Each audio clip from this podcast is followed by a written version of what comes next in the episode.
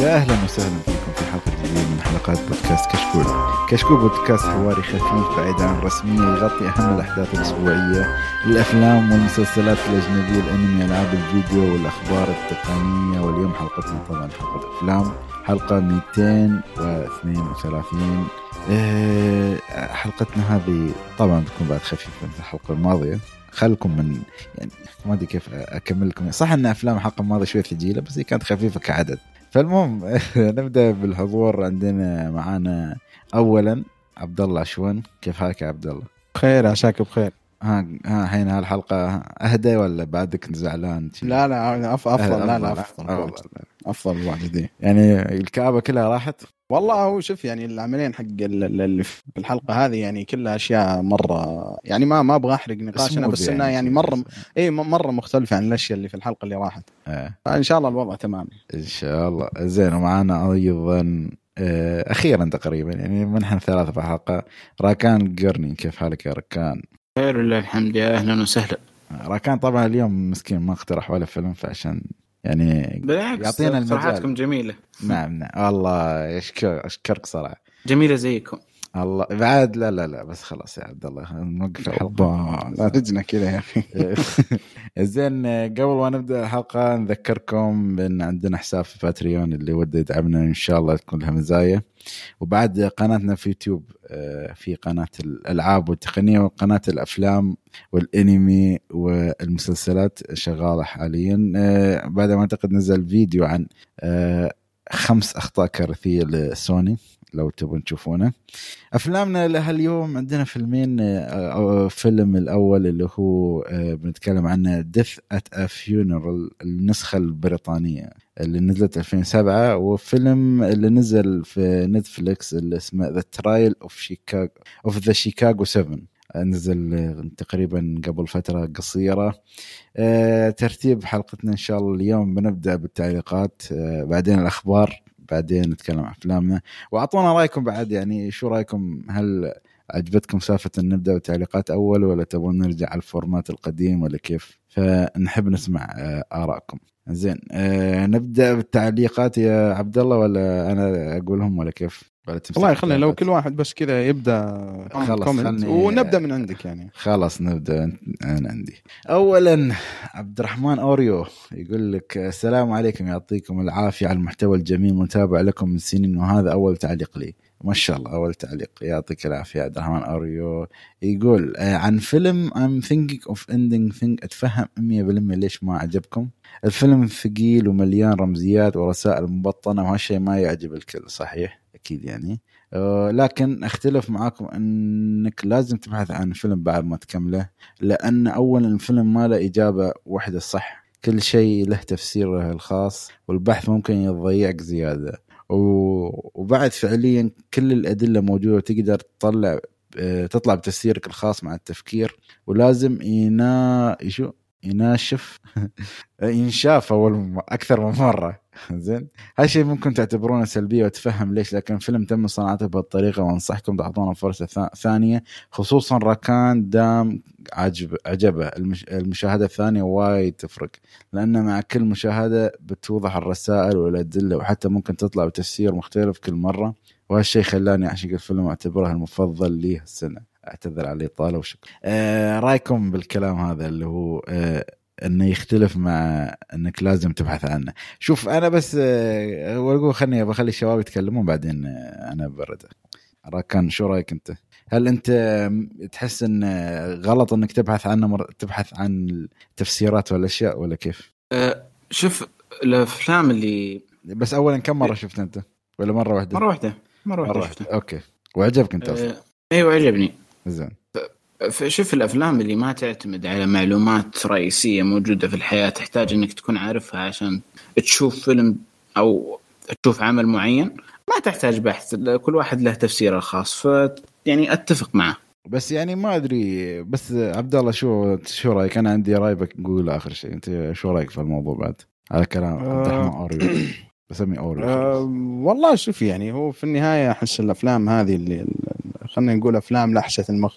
يعني يعتمد على يعني على خلفية المشاهد يمكن و... وتمرسه بالنوعيه من الأفلام هذه. يعني لو ما كنت من ال- ال- النوعية اللي يحبها مرة أتوقع بعد كل فيلم تتفرج عليه من النوع هذا. لابد إنه أحيانا تبحث وتشوف لأنه إذا ما فهمت يعني في طبيعة الحال حتى لو كان العمل والله من ما أدري من أي genre أو من أي نوع.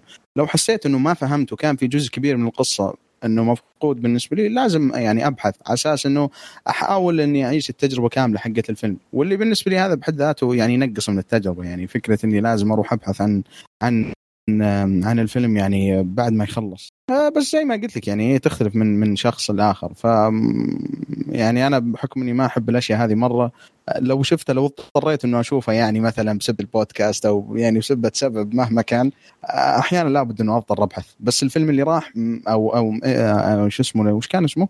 I'm Thinking of Ending Things صراحة ما بحث إنه فقدت الاهتمام يعني. صار الفيلم فيه حوسة مرة بحيث إنه حتى فقدت الاهتمام. ما ما أبغى أدري وش صار أصلا. إذا شوف بالنسبة لي يعني أنا شوف لما بحثت صراحة عجبني أكثر. حسيت إن أعطاني تصور واضح الاشياء اللي شفتها يعني أكثر. وحتى ما أدري شرح قبل يعني بعد الحلقة الماضية شرحت شيء حق الشباب. حسيت إني اكتشفت اكتشاف عرفت كيف؟ يعني لهالدرجة يعني. آه، عن لقطة تقريبا على أواخر الفيلم. يعني الشباب أكيد يتذكرون السالفة. ف يعني تبون الصراحه بعد الحلقة تميت أفكر شيء يعني حسيت شوية الفيلم عجبني أكثر عن يعني حسيت أن لما شوية هديت وفكرت أكثر الفيلم شوية عجبني أكثر ولكن بعد يعني أنا مع البحث عجبني أكثر مش بدون البحث. بدون البحث حسيت أني كنت صدق ضايع. عرفت كيف؟ بس آه طيب. بس خالد هل هل هل تغير رايك وتنصح بالفيلم؟ لأنه شوف أنا ما أقدر أنصح ما كنت صعب والله. بس إن أنا كنت أقول يعني أنا أنا عجبني يمكن أكثر بشوية. مش إن الشيء ال wow واو. مثلا هل شوف أنا من النوع اللي يعني تعرف كيف؟ مثلا شفت الفيلم مرة واحدة. okay أنا متفق معك يعني. لو تشوف الفيلم مرتين صدقني أو ثلاث أنا لو صدقني شفتهم أعتقد أقول ممكن يعجبني أكثر. بس انه رتم الفيلم كان شوية بعد بطيء فما حبثت اني أشوفه مرة ثانية. بس لما بحثت عنه حسيت إن لما أستذكر اللقطات بديت صدق أفهم. يعني اللقطات لأن في لقطات تنحفر في مخك ما تكون فاهمينها. تحتاج لها تفسير بس لما تشوف التفسير اللي هو مثل على كلام اوري انه كل واحد له تفسير بس في تفسير معين حسيته هو المنطقي يعني بالنسبة لي أنا. فمسكت معاه وبالعكس يعني استمتعت يعني آه، بالأفكار اللي آخر شيء طرحها. بس ولكن يعني لو يعني في النهاية ما أقدر انصح صعب وايد يعني أنصحه لأنه صدق أنا بالنسبة لي هالفيلم يحتاج له بحث. okay ممكن لو تشوفه مرتين ثلاثة تطلع باستنتاجك الخاص بس بعد يعني. أه فشكرا يا عبد الرحمن أوريو وإن شاء الله بعد تعطينا تعليقات أكثر. أه عبد الله شو تعطيك التعليق اللي بعده ولا؟ آه يلا طيب آه عزو يقول السلام عليكم. نسيت نجيب محفوظ. آه لا نسيته أنا شكلي. طيب. ما أدري من المشكلة أنا أبغى يعني أحاول ألخص كثير من الأشياء اللي قالها لأنه في حرق وفي بعض التفاصيل في أفلام كثير يعني آه، في في تفاصيل كثير يعني من من, من أفلامه مرة مشهورة يعني حتى. okay okay. آه طيب. احسك يقول بتفك شفرة يعني. يقول فيلم Back to the Future جميل ويخت بالي أتابعه بين فترة وفترة بس كل ما تذكرت سالفة الإرهابيين الليبيين وأنا غاسل يدي من الموضوع بحمض الكبريت. الله يعين يدك. وبعد في في عمل آه أدري يتكلم عن فيلم The Man Standing Next إذا تذكر خالد لما تكلمنا عنه. الفيلم الكوري اللي كنا اتفقنا إحنا إنه برضه كان واحد من أجمل أعمال السنة هذه ولا لا؟ آه، اللي هو تكلم عن رئيس الفيلم إيه, إيه اللي كان معنا آه، صديقنا سعود لما جاء ضيف. طيب وتكلم عن إنه كيف كيف في الفيلم كان في بعض الشخصيات العربية ممثلة بشكل يعني بشكل يعني كإرهابيين أو كقتلة أو ما أدري يعني هو الفيلم كان يعني يتكلم عن أحداث حقيقية فالشيء هذا ما ما أدري لو فعلا صار أو لا ولكن في النهاية العمل درامي مو شرط إنه يمثل ال ال الشيء اللي الناس يؤمنون فيه أو يعتقدون إنه حقيقي. فما ما أدري. طيب. وبعد يقول في فيلم انسيدنس آه آه يقول إنه تم عن الفيلم في ليتر بوكس وهو بالنسبة له من البطاطس المقلية إلى الفرنش فرايز. لا تسوي خوي. ما أدري لو أحد فهم شيء ولا ولكن يقول في النهاية الفيلمين الأول ما كان لازم يحددون جنسية معينة وروقون الموضوع أنتم دولة العالم. 16 أتوقع يقصد ذا مان ستاندينج نيكست أهم شيء يعني أتفهم المقليه أنا أنا إيه. شوف كل الكلام okay بس أنا اللي جذبني ها من البطاطس المقليه ال French fries. يعني هي هي وراها رمزية بس أنا ما هي بس يعني ما أنا ما هذا شكل لازم نعطيه بتمعن أكثر يعني قصدي من البطاطس المقليه بالعربي و French fries بالإنجليزي آه okay آه. زين طيب. ما أدري شو رأيك بس أنا آه، صراحة لا شوف يعني مم. بس على فكرة اسمع، يعني بس خالد. يعني آه، أيوه. لا لا روح. لا أقول يعني مثلا Back to Future ترى تصورهم يعني في الثمانينات تعرف يعني يعني هم شو دراهم مثلا؟ صراحة يعني شو دراهم مثلا إن في عرب يشوفون الأفلام هاي؟ ال ال ال يعني كيف أقول لك؟ ال ال ال آه، المطلوب ومش مطلوب الموجهه أصلا للمجتمع الأمريكي عرفت؟ فحط يعني عرفت؟ ما كانوا مفكرين في هال ال- ال- ال- العواقب والأشياء. يعني وهم في النهاية تقدر تقدر تقول الحين مش همهم يعني يعني كيف أقول لك على هذيك الأيام أحس إنه ما هم يعني يعني ما أعرف ليش صراحة بعد حطوا جزائريين بالذات يعني مع انه أو ليبيين يعني عرفت بس بعد يعني هي صح إنه شيء سيء بس بالنسبة لهم تعرف إن نفس الجملة عابره يعني تعرف لو حطوا عرب بعد في النهاية ما يهمهم بس هم فقط حطوه للتحديد يعني مع إنهم ما طلع ولا دي أقل عن دقيقة بعد عرفت كيف؟ بس هذا مثل ما أقول لك هم كيف يبون يوصلون الرسائل لجمهورهم هم هم حرين فيها بعد بس شو نسوي يعني بس المفروض إن نحن يكون عندنا هي تقول التمثيل المناسب للعرب في الأفلام. يعني نحن نحاول نطلع الصورة الجميلة عنا مو بإن نحاول ناس أجانب يطلعون صورة عنا نحن عرفت كيف؟ صح صح أتفق بس يعني أنا أنا أتفهم صراحة يعني مع إني ما أتفق ما أتفق معه في كثير من الألفاظ اللي اختارها بس يعني أتفهم يعني غضبه شوي على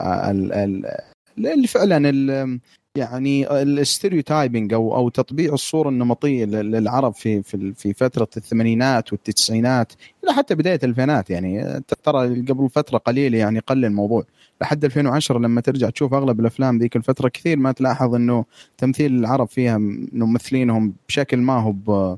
ما هو فعلا حقيقي ما هو ما هو باللي إحنا نعيشه يعني بشكل يومي أو حتى الأشياء اللي الواحد ممكن يشوفها في حياته. يعني بس، مثلا آه، مثلا فيلم بعطيك مثلا فيلم. فيلم Mission Impossible Ghost Recon أعتقد لما اللي صوره في دبي. يعني أحيانا Ghost Ghost. Protocol هو. Ghost Recon هذه قصدي لعبة لا، ابو كلب يعني. قصدي Ghost Protocol زين؟ ما أدري لخبطت إيه. كل شيء في الحق أخاف حتى الفيلم اللي أتكلم عنه ما في اللي فيه المهم آه، برج خليفة. زين؟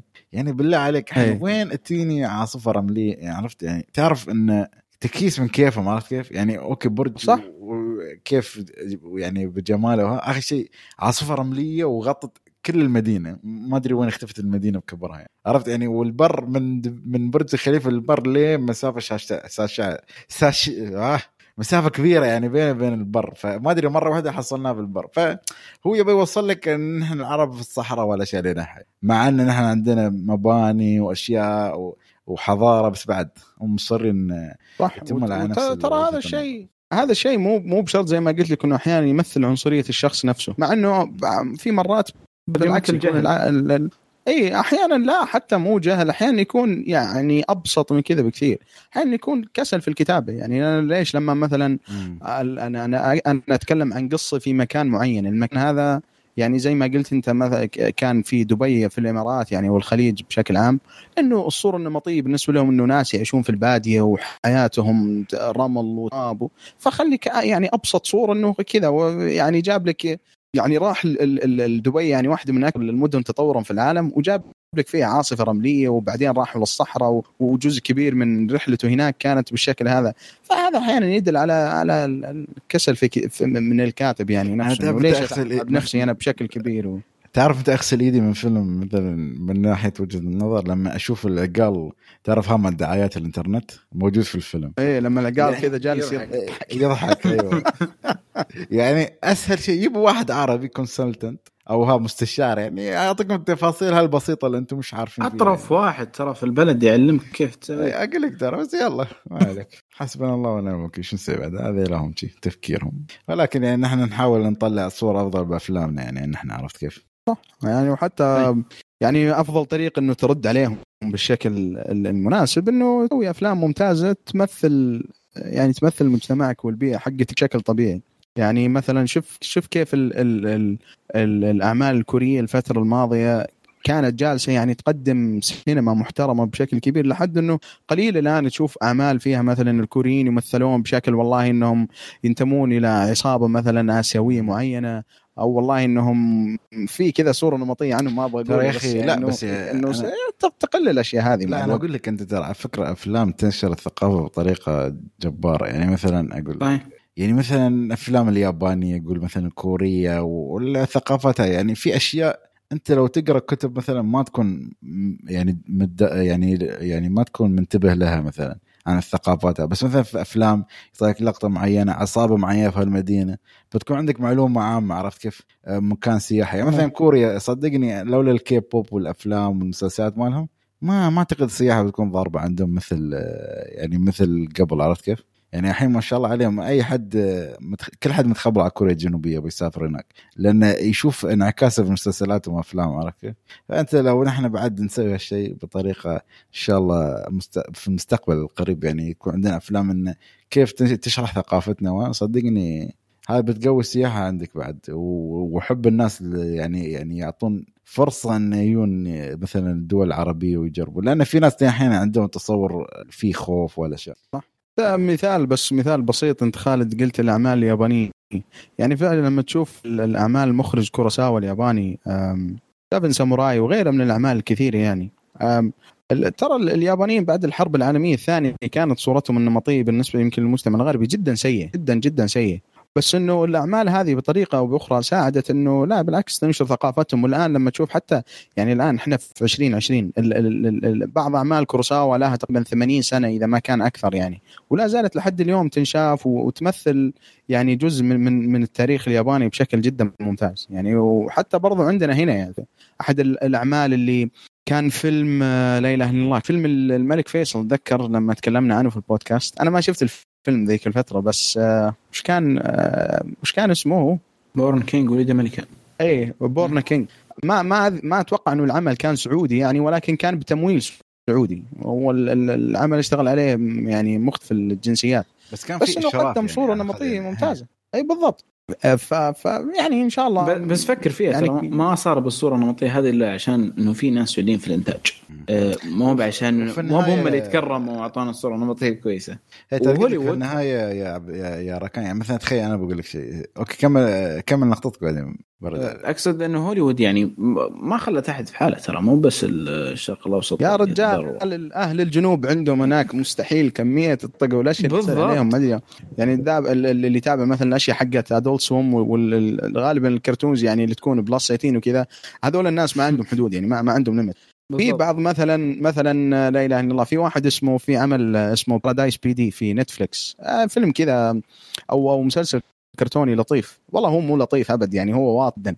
يعني تشوف كمية النكت والذبات على ال- ال- ال rednecks وأهل الجنوب في أمريكا مستح يعني أشياء ما ما أتوقع إنه في أي فئة من الناس في العالم ممكن تقول عنه يعني ولا زال يعني it's okay يعني لما تعرف إنه هذا عمل ما ما ما يمثل الرأي الكاتب أو المخرج الحقيقي يعني عادي يعني أحيانا الواحد يعني لو ما كانت بطريقة مبالغة أو لو كانت جاية بطريقة كوميدية يعني هدفها إنها تضحك فقط ف يعني بالعكس. أيوه بس ترى أحيانا ما ما تقدم بشكل كوميديا أحيانا تقدم بشكل دراما.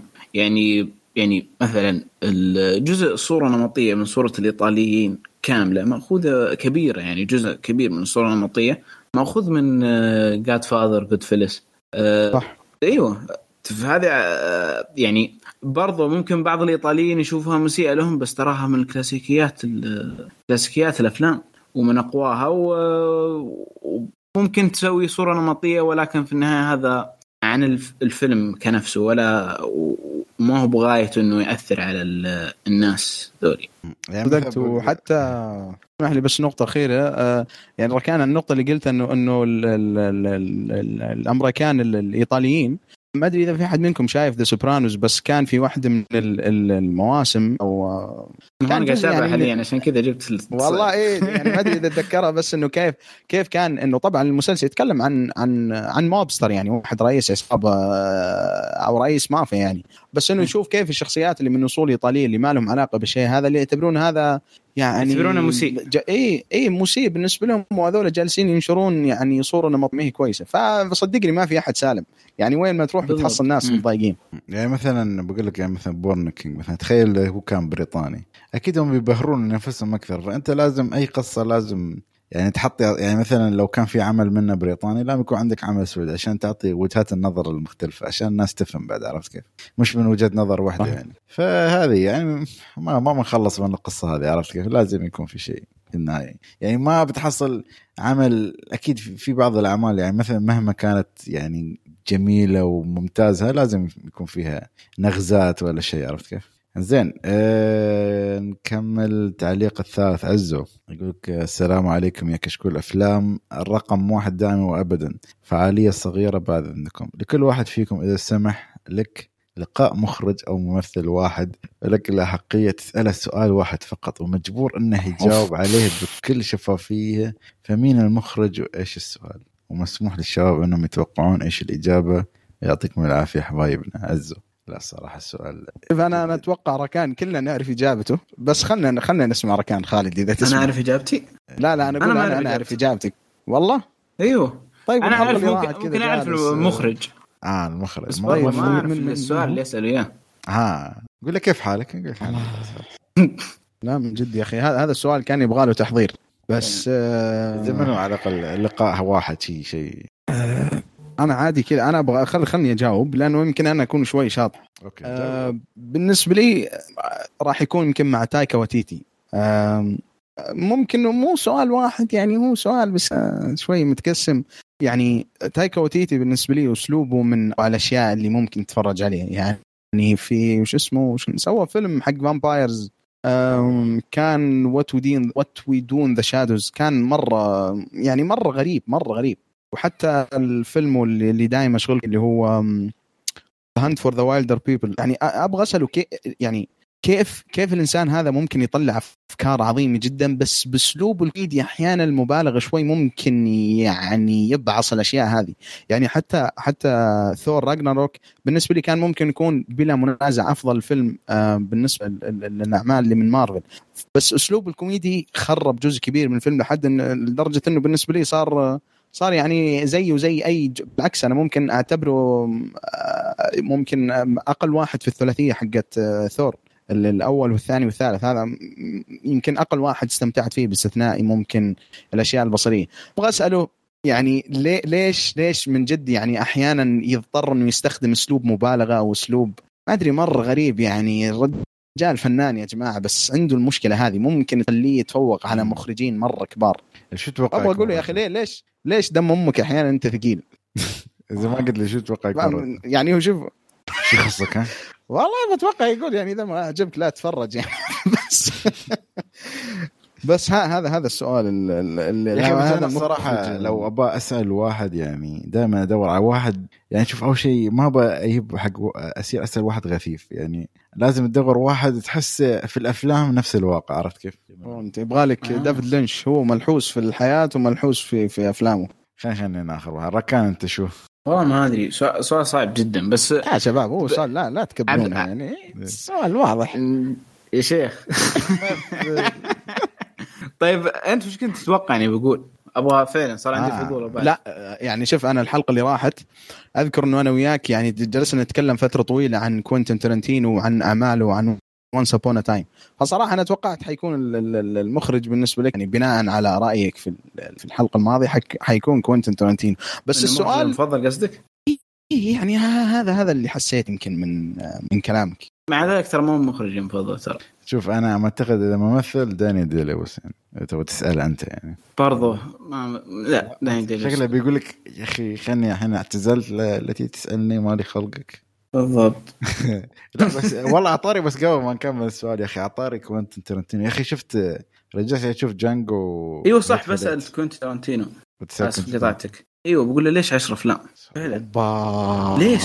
لا سؤال ليش ممتاز؟ عادي اجاوب أنا لأني أعرف الجواب.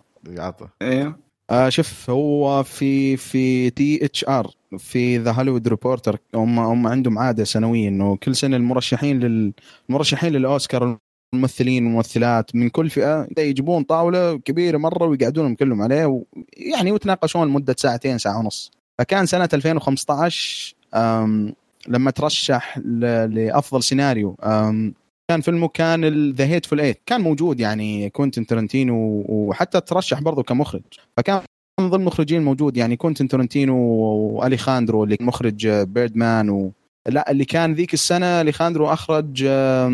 أخرج الفيلم اللي فاز فيه ليوناردو دي كابريو بالاوسكار The Revenant The Revenant وبرضه مخرجين مخرجين كثار. حتى كان ريدلي سكوت يعني ك في فيلمه The Martian فمقابلة مرة ممتازه يعني اللي يقدر يشوفها لا يوفر على نفسه.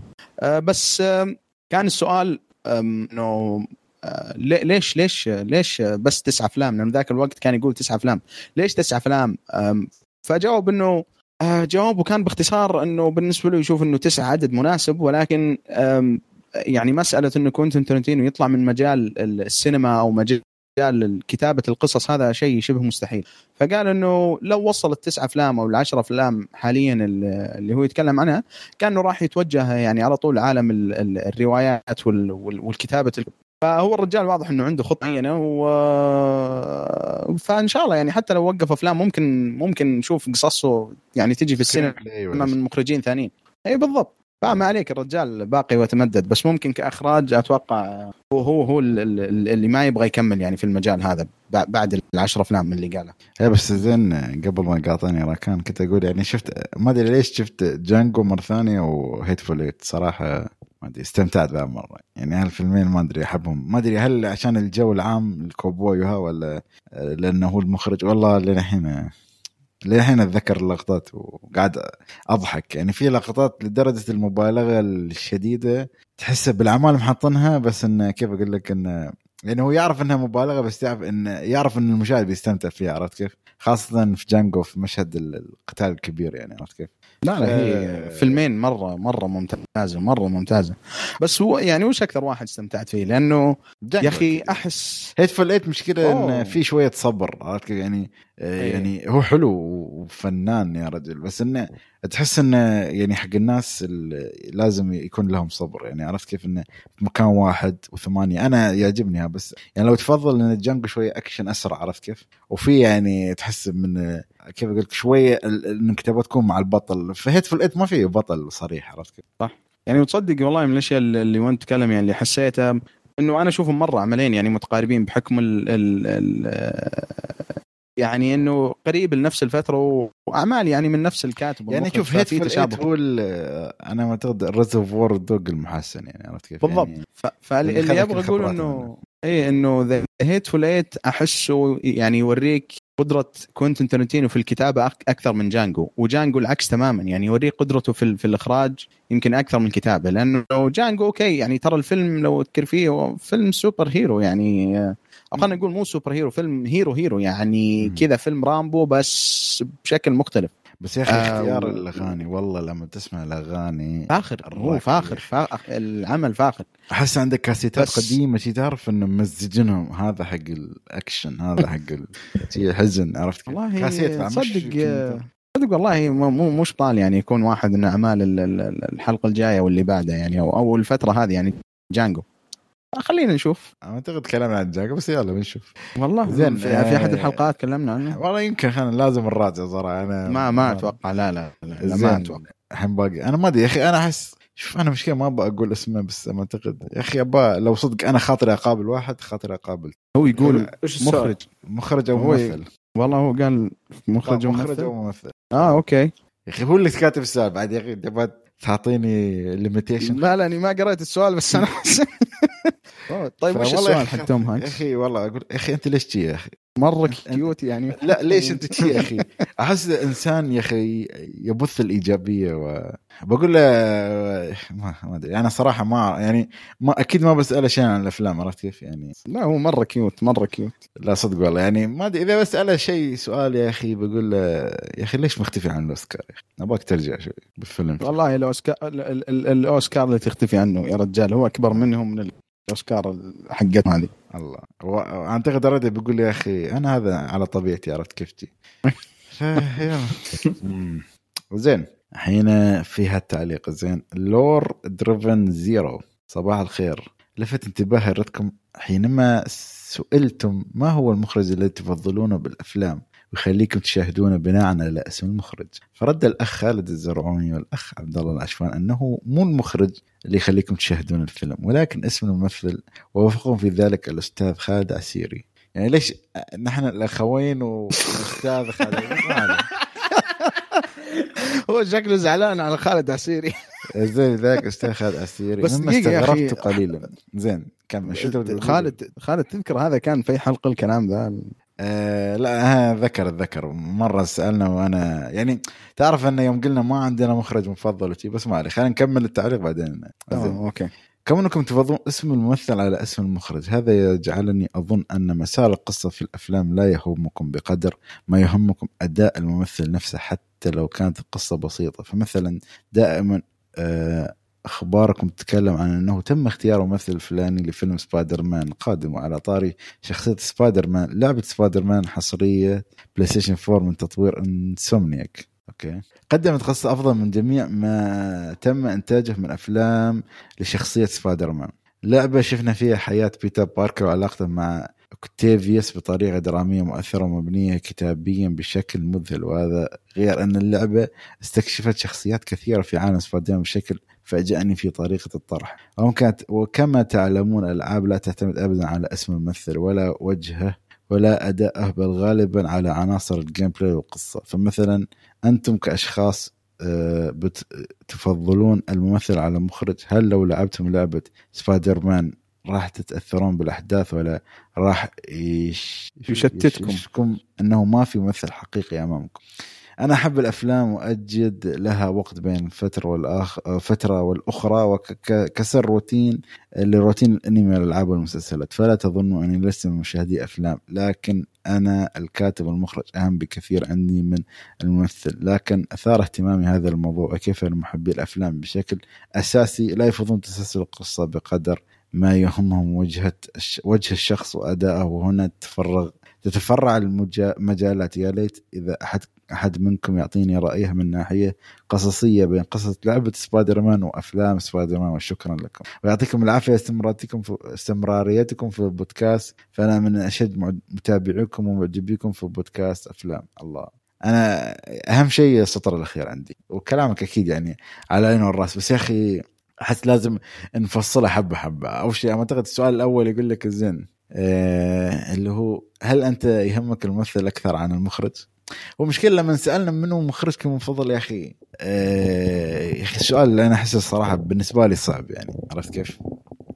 يعني أنا يعجبوني وايدين عرفت كيف؟ ما عندي واحد بحد ذاته عشان كذا مثلا أقول لك مرات يعني حدد لي اللي هو الممثل ما ادري عبد الله أنت شو رأيك؟ يعني كمخرج المفضل يعني ممكن لا بس مثلا إحنا ق- على في هذه الحلقة قلنا إنه ما عندنا مخرج مفضل. يعني يعني أنا ما بس هي بشبح لنولن ولا لكورنتين لا لا صح. يعني لأنه شوف يعني فكر يعني أو أو يعني خطورة أو أو ال ال ال ال نسبة الفشل في العمل بالنسبة للمخرج أكبر بكثير مرة من ك كممثل. وفي النهاية هذا شيء على على على نوعية العمل و- وعلى الاسم الممثل واسم المخرج. يعني لما مثلا يعني فيلم تنت. أتوقع كلكم شفتوه ولا لا؟ يعني تخيل أنت تخيل ال- ال- الفيلم جاب العيد. الفيلم نقيا وفي ال box office مرة جاب العيد. تتوقع الناس راح يلومون آه كريستوفر نولن أو راح يلومون آه ديفيد واشنطن؟ أتوقع بالراحة يعني ما ما ممكن نسبة كبيرة أصلا من الناس اللي شافت الفيلم ما, ما تعرف أصلا ديفيد واشنطن يعني حتى ما شافته في أعمال قبل. فعشان كذا أنا أشوف إنه اذا إذا تتفرج على عمل يعني غالبا غالبا أختار إنه على على اسم المف... ال- ال- الممثل المفضل بالنسبة لي لأنه يعني في في ممثلين يا أخي تعودنا منهم جودة الاختيارات. يعني لما تشوف مثلا ليوناردو دي كابريو في في آخر 20 سنة ما راح أقول آخر 10 سنوات الأفلام اللي سواها اللي مستواه عادي أو أقل من عادي يعني يعني ما ما ما أنا ما أذكر حتى ما يجي على بالي عمل كان بالنسبة له عادي أو أقل من عادي. إلا ممكن عمل واحد صراحة سواه مع ريدلي سكوت كان عن الإرهاب وزي كذا كان فيلم زبال. بس غير كذا كانت أعماله مرة ممتازة مرة مرة ممتازة. وبرضه نفس الكلام على توم هانكس. توم هانكس في في الآخر 10 سنوات 15 سنة أخيرة هي ممكن عمل واحد أو عملين اللي الناس ما تفاعلت مرة معه بشكل كبير أو حتى اللي بعض كان يعتبرها سلبية أو أو سيئة. فغالبا ال- الاختيار الأسهل بالنسبة لك أو بالنسبة بالنسبة لي أنا كمشاهد إنه أختار العمل آه، بناء على على على الممثل اللي موجود فيه. لو كان ممثل أنا أثق فيه راح أختاره يعني بناء أكثر أكثر من المخرج. لأنه حتى لو تشوف مثلا مارتن سكورسيزي بس على فكرة ترى في الفترة الأخيرة يعني في كم عمل له كذا ما كانت مرة يعني مثلا زي أتوقع The Silence أو شيء زي كذا اللي كان عن الدعوة للمسيحية أو شيء زي كذا في في في أحد الأماكن في آسيا أو في شرق آسيا. ف يعني المخرجين يجيبون العيد أكثر من الممثلين الكبار مرة يعني. فعشان كذا أتوقع أنا أنا إيه بس يعني مثلا في مخرجين يطلعون كل القدرات اللي عند الممثلين يعني. عرفت كيف؟ يعني مثلا أنا أحب مثلا أشوف أفلام كورنتي كورنتي يا أخي ليش أقول كورنتينو؟ مش كوينتن تارنتينو زين آه ف ليش؟ لأن أحس مرات صدق يعني يعطي مساحة للممثل. و... وتحسه يعني دائما المخرج الشاطر هو اللي يطلع ال full potential عند الممثل. بس مرات عادي تحصل ممثل يا أخي مثلا مثل ما في مكانه ولا هذيلا يعني مثل هالممثلين عنده بوتنشل بس تحس يبغى له واحد يوجهها صح. عرفت كيف؟ عشان شيء دائما أنا يعني مثلا ما في مكانها مش من الناس اللي اللي حبيت إني يعني مثلا أدورهم. عرفت مثلا إذا أوه ما في مكان يمثل فيلم خلاص بس اشوفه لا.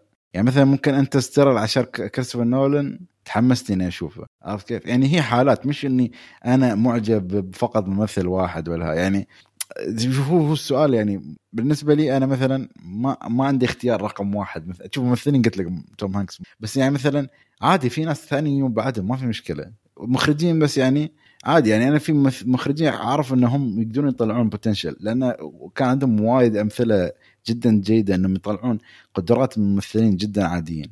عرفت كيف؟ بس ولكن يعني ما أقول لك إني أنا أيد إن يعني كيف أقول لك إن أختار مثلا ممثل ولا مخرج هم اثنيناتهم يكملون بعض.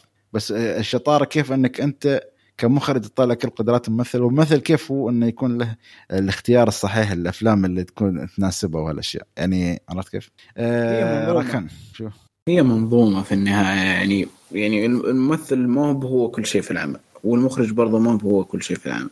فإنه ممكن يكون مسؤول عن اغلب العمل أكيد ولكن ودائما تحط المسؤولية على شخص في العمل. ولكن آه، مخرج عن مخرج يفرق وممثل عن ممثل يفرق. فصعب إني أقول إنه اليوم في واحد زي ليوناردو دي كابريو في الاختيارات لأنه جدا جدا حالة نادرة ترى صراحة إنه تكون في اختيارات بهذه الطريقة. وبرضه مع الاختيارات الأسطورية زي ما قلت يا عبد الله إنه يعني ممكن أحيانا تطيح منه ولكن برضه ما يزال. أه وبرضه المخرجين ترى المخرجين ما أشوفهم يغلطون كثر ما يغلطون الممثلين بالعكس الممثل بي ينتشر بكل سهولة ولكن المخرج هو وراه العمل ذا ما عنده إلا العمل ذا لازم يكمله في, في الآن و... وما بيفكر إلا فيه هو إلا في ذا العمل. آه، فمثلا لما تقول لي مثلا قبل يعني لما تقول لي إن آه، روبرت دينيرو والباتشينو موجودين في الفيلم قلت okay كويس جميل متحمس. لكن لما تقول لي بإخراج مارتن سكورسيزي هنا أقول لك أوه لا هنا يفرق الحماس طبعا.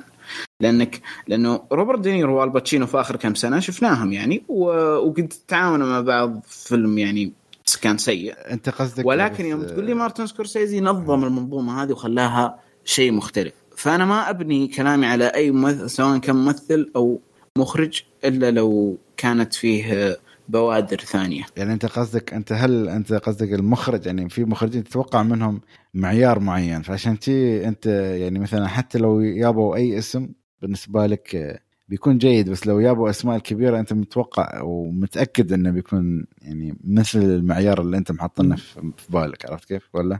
بالضبط إيه صحيح. آه يعني ما أدري.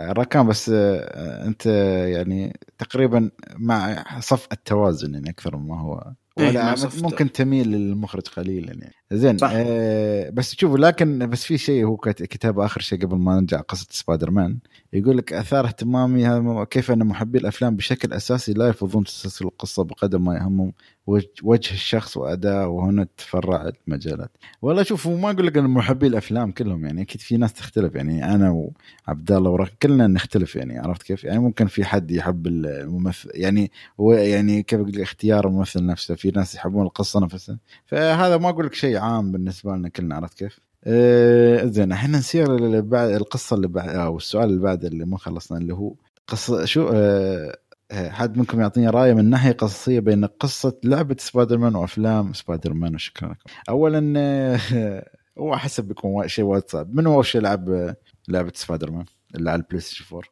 أنا لعبتها وبكل فخر. آه، شوف عبد الله ما أدري إذا ركان ما لعب فحوار بيكون بيني وبينك. هالشويه مقارنة بتكون وايد صعبة وظالمة جدا ظالمة. يا أخي ليش؟ اولا أنا أحس في اللعبة يا أخي تا- تأخذ راحتك عرفت؟ في الشرح. أنت عندك جيم يعني الجيم كامل 40 30 ساعة عرفت كيف؟ وقت أطول. وقت أطول وعندي قصص فرعية فممكن هذا يشدك للعبه أكثر. أنا لعبت اللعبة وصراحة يعني ما أقول لك انه أكيد قصة جميلة وممتازه عرفت كيف؟ بس هل أنت مثلا لو تجيب القصة نفسها زين وتتغطى في ساعة ونص ساعتين أكيد بيكون له وايد أثار سلبية عرفت كيف؟ فما أدري يعني بالنسبة لي أنا أحس اللعبة جميلة بس أحس شوية ال- ال- ال- المعادلة ولا ال- ال- المقارنة شوية ظالمة مع انه شوف من ناحيه قصصية أنا ما أقول لك التسلسل مو حلو بس إنه هم تسلسل حلو بس ماخذين راحتهم وحتى مثل ما قلت لك في أشياء جانبية ممكن يعني أو قصص جانبية لشخصيات جانبية هي اضافت بعض اللمسات الحلوة عليهم كقصه عرفت كيف؟ أه بس يعني بين لعبة سبايدر مان وأفلام سبايدر مان أحس ما أدري شو رأيك عبد الله أنت؟ وأنا جلال.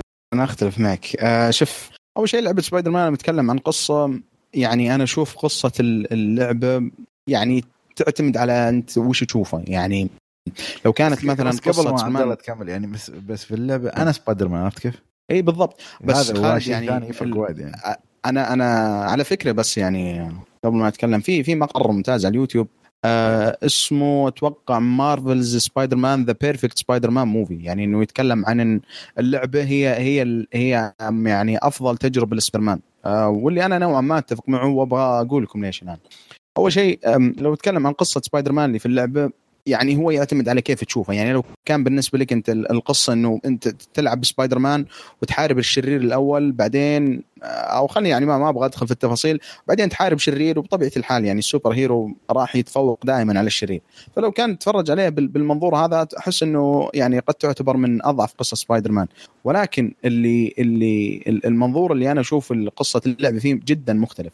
أول شيء أنا أنا بالنسبة لي شخصية سبايدر مان باستثناء أفلام سام ريمي والعملين حقات مارفل يعني ما ما عندي تفاعل كبير معه. أي نعم يعني تفرجت على الكرتون اللي كان في نهاية التسعينات وكان لطيف يعني بس ما مو مرة. ولكن ال- اللعبة هذه غيرت رأيي بشكل جدا كبير يعني وشخصية سبايدر مان صارت بالنسبة لي من أفضل الشخصيات. ولسبب إنه أول شيء إنه غير إنه أنا جالس أعيش كانه إنه سبايدر مان لا. تفاعل شخصية سبايدر مان مع مع ال- الناس القريبين لمه مع مع, صديقته مع عائلته. يا أخي مع آه، مع الدكتور آه، آه، أكتوبوس. يعني كل هذه الأشياء ما كنا نشوفها بال- بالأفلام. كانت غالبا الافلام ما أدري يعني ونقطه يمكن ممتازة ذكرتها خالد يعني حتى قصة اللعبة مع إنها ممتازة لكن لو تبغى تضغطها بساعة ونص أو بساعتين ما راح تطلع ابدا بالشكل الممتاز اللي نشوفه.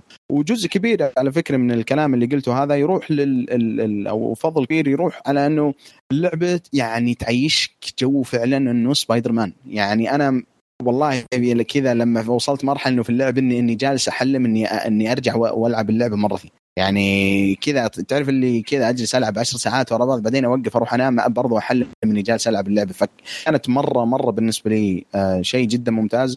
وتفاعل سبايدر مان مع العالم حقه كان كان كان بالنسبة لي شيء مرة مرة مرة ما تعودت أشوفه في آه في في أعمال ما- مارفل أو حتى أفلام سوبر أو أفلام سوني اللي كانت السبايدر مان حقت سام ريمي.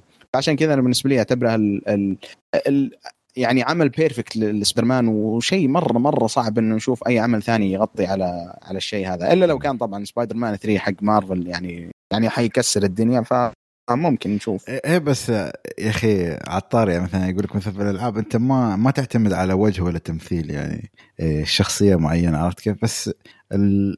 كيف أقول لك؟ بس هي صح على طاري الوجه وهذا. مو بكأنهم حطوا خبر ان غيروا صورة شخصية سبايدر مان في لعبة آه، سبايدر مان اللي موجودة من Insomniac. اي صح هم هم اللعبة.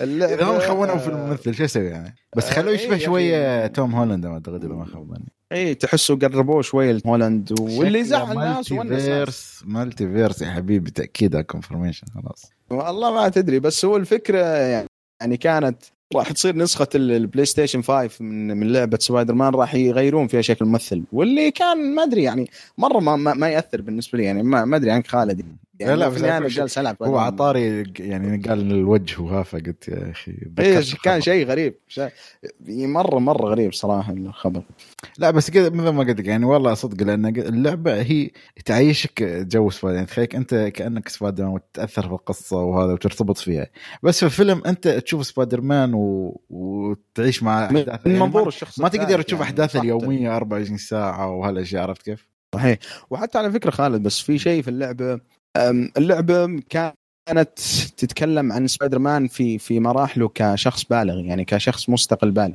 على عكس الأفلام. آه، يمكن خلينا نقول الفيلم الأول والثاني من أفلام سام ريمي والفيلمين ال- حقت مارفل كلها كانت شخصية سبايدر مان لا يزال يعني لا يزال آه، في في الثانوية وشخص مراهق نعم. فكان برضو منظور مختلف للشخصية اللي اللي يعني كذا لما تعيش مشاكله كشخص mature يعني مشاكله ال ال ال ال ال في في حياته الخاصة ومشاكله إنه يدفع الأجار ومشاكله في العمل ومشاكله فهذه كلها اشياء ساعدت يعني قصصيا غير إنه تلعب في سبايدر مان وتعيش الجو مع سبايدر مان نفسه وبعد أفلام يعني مو بأفلام سبايدر مان بس يعني أفلام superhero بشكل عام. يعني مثلا فيلم سبايدر مان هو ترى يعني كان اختباري جدا. يعني تعرف أوكي صح أنا بقول لك أوكي في أفلام superhero قبلها وايد مثل أفلام باتمان و, و يعني في أفلام في مثل فيلم كابتن أمريكا بس رخيص جدا يعني يمكن ما حد يعرف عنه.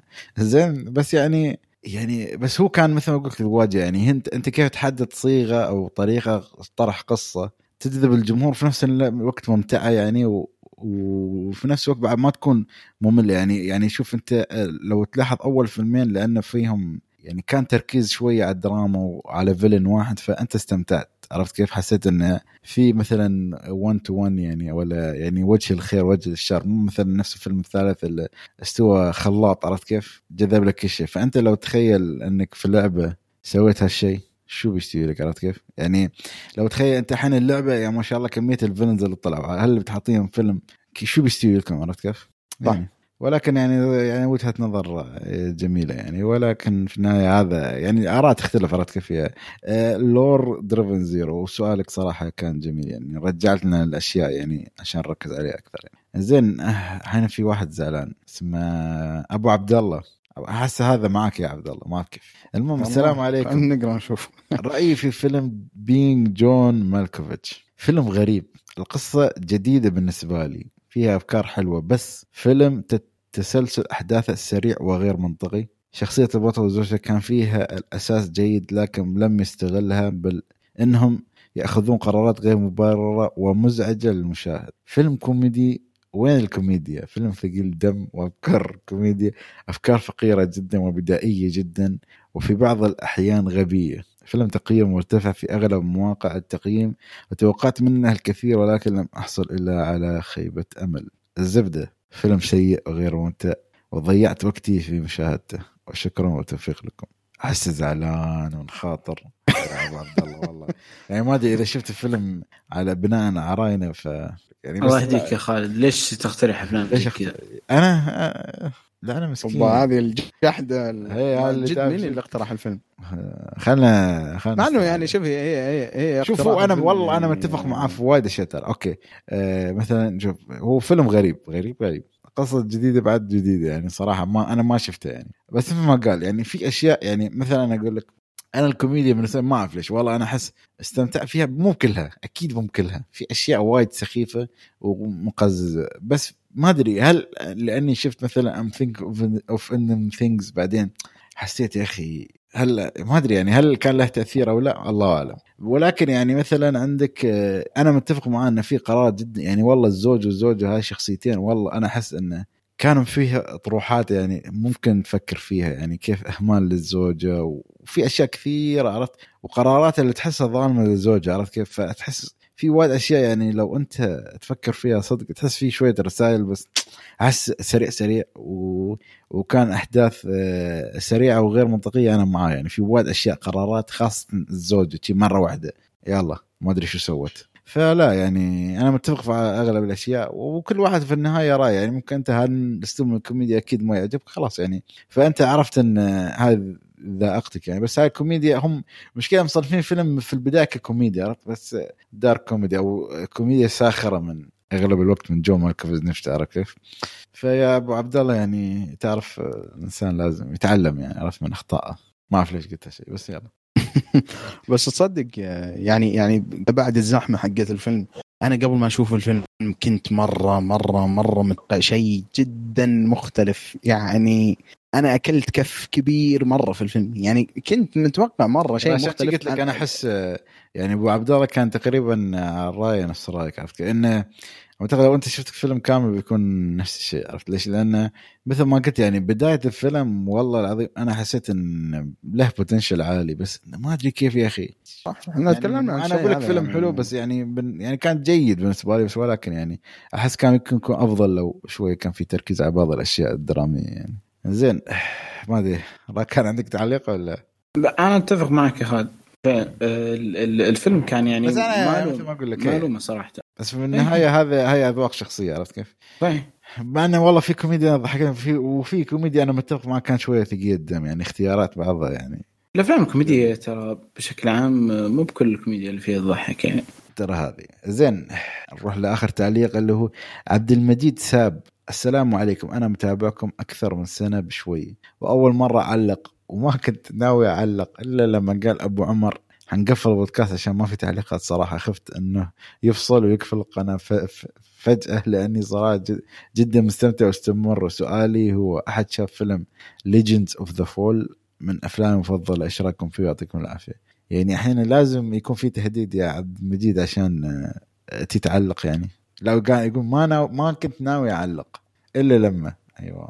يعني عادي علق يعني أمور طيبة ما عليك. إن شاء الله ما بيستوي شيء. في أحد منكم شاف فيلم Legends of the Fall؟ هذا حق براد بيت صح؟ إيه. ما لا، للأسف باقي ما تابعت والله نفس الحالة آه. عبد المجيد. والله شوف. آه، أها. أول شيء شكرا عبد المجيد على الكلام الجميل وعلى ال comment. يعني أتفهم صراحة إنه الواحد كذا يسمع شيء وما يعلق ابدا. فشكرا لك يعني على ال- ال- ال- ال comment ثاني شيء يا أخي Legends of أنا يعني أكثر مرة كذا أتحمس أبغى أشوف الفيلم ذا. يعني على فكرة ال- ال cast حق الفيلم لو ما كنت غلطان لأنه صراحة لحد الآن أنا ما بحثت عنه. آه بس مرة cast هاز. يعني براد بيت آه آه انثوني هوبكنز وبرضه ممثلين مرة ثانيين ممتازين.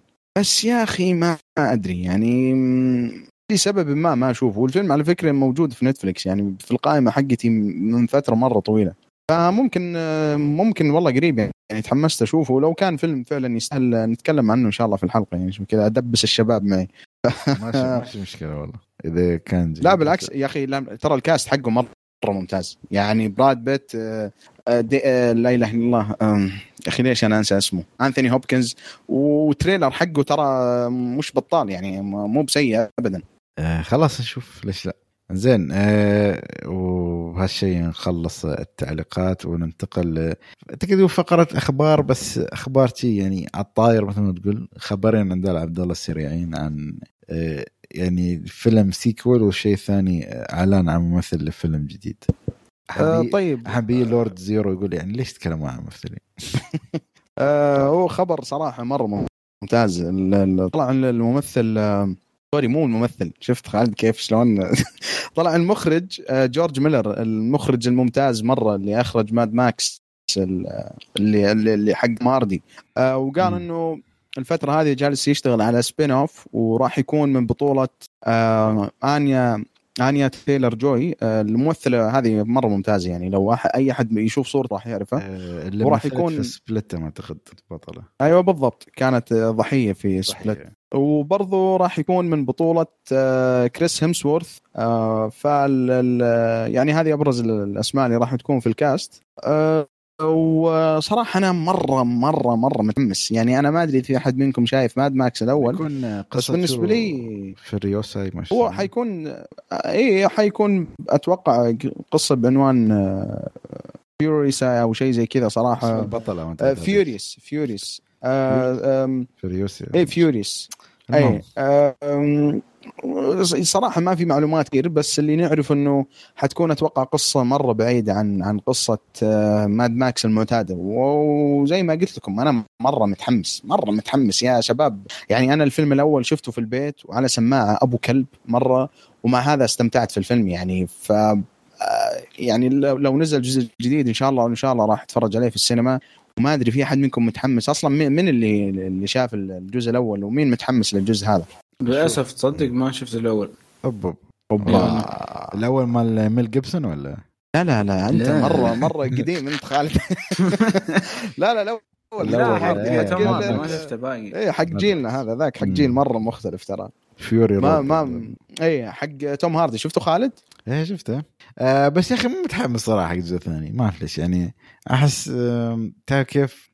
لأن وايد تكلموا عن هالجزء أو بنسويه وبني وبني يمكن آه، يعني تعرف تم يقولون ال sequel قصة Furiosa هاي ما شو يسمونها اللي كانت في الفيلم يعني ك prequel عرفت قصدي؟ يكون كأنه prequel لفيلم Mad Max ف آه، والله ما أدري أنا الصراحه الفيلم الأول عجبني ولكن يعني ابدا ما كنت متحمس حق الثاني و Mad Max يا أخي دائما من الأفلام اللي تحس مو ما أقول أكشني بس في تعرف في غرابة في حماس عرفت كيف؟ ولكن ما أدري ابدا مو متحمس حق الجزء الثاني بس ولكن لو في trailer وفي شوية تغيير جو ممكن عرفت كيف؟ لا هم هم أتوقع الآن جالسين يعني هم أتوقع خلصوا الآن ما في تفاصيل كافية عرفت كيف؟ إي بالضبط المشكلة إنه ما في تفاصيل يعني بس هو المخرج جورج ميل طلع إنه قال أنا معي فلان وفلان وحنسوي الفيلم. بس والله صراحة غريب يعني خالد جوابك شوي يعني صدمني لأنه يا أخي أحس يعني تخيل تخيل الفيلم الأول بس كذا على شيء كذا في في ممكن أكثر يعني تفاصيل وقصه أكثر مع إنه الجزء الأول كان كان يعني كذا تعرف اللي مزبوط في الملي كان action action بدون كلام فاضي قصة وخرابيط. بس تخيل تخيل نسخة من من الفيلم الأول بس كذا فيها شوية تفاصيل والله شوف أنا أحس يعني كيف أقول لك والله مشكلتي إن تعرف ما أدري ليش بس أحس ابدا مو متحمس لأي فيلم جديد لأنه صدق السينمات بالنسبة لي الحين ميتة ما في شيء عرفت كيف؟ يعني أحس لازم يجي فيلم ورا فيلم عشان تيي الحماس أوه يلا. نبغى أفلام أكثر نبغى أفلام أحلى عرفت كيف؟ الحين كل الأفلام اللي نشوفها الجديدة على streaming service فأحس الخبر يبغى أبغى أشوف أبغى أشوف شيء أو أشوف شيء حماسي عشان صدق ارجع يرجع لي الحماس إني أشوف okay أنا أبغى مثلا هالفيلم يكون موجود prequel ولا شيء.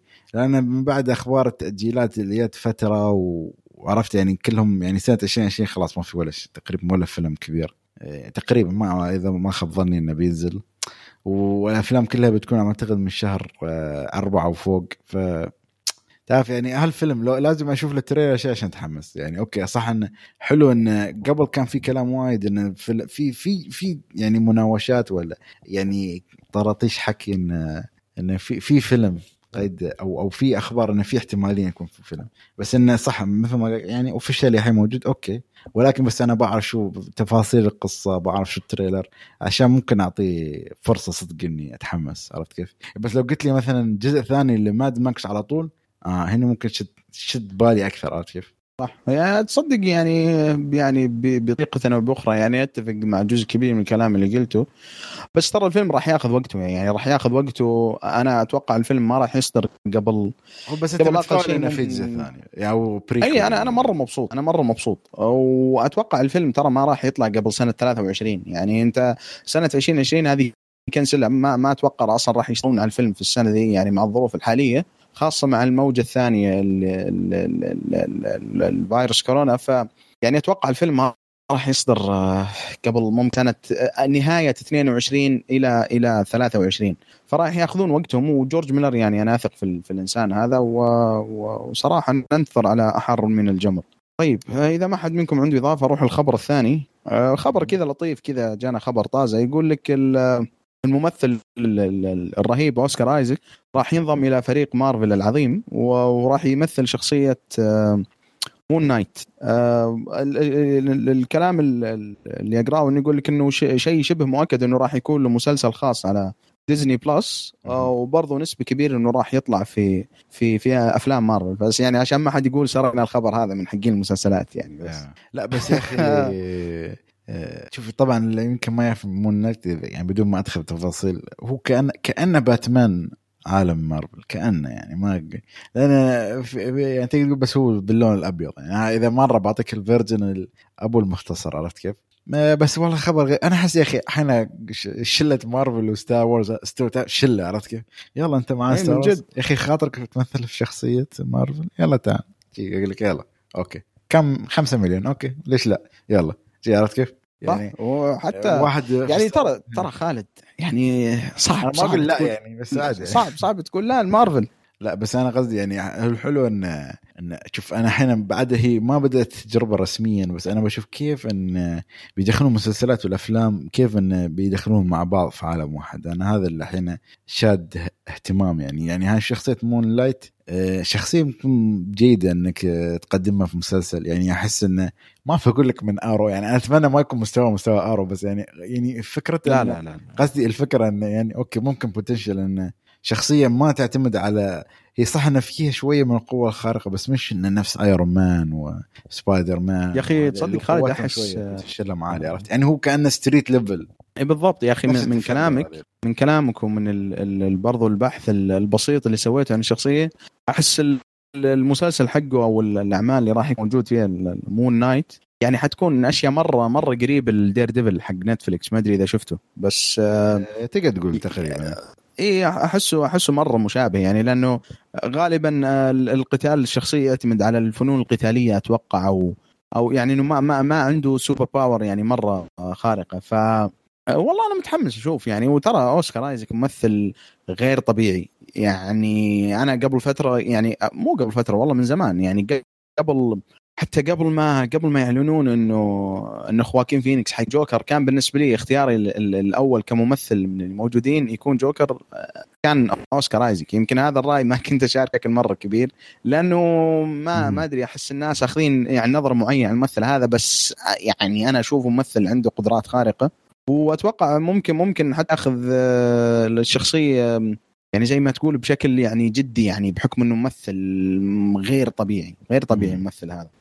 فنشوف ما أدري لو ركان متحمس أو ما يعني ما ما عنده خبر عن الشخصية يعني زيي تقريبا. فايش رأيك ركان؟ أنا قاعد قاعد أبحث في جوجل فعلا باتمان أبيض. اي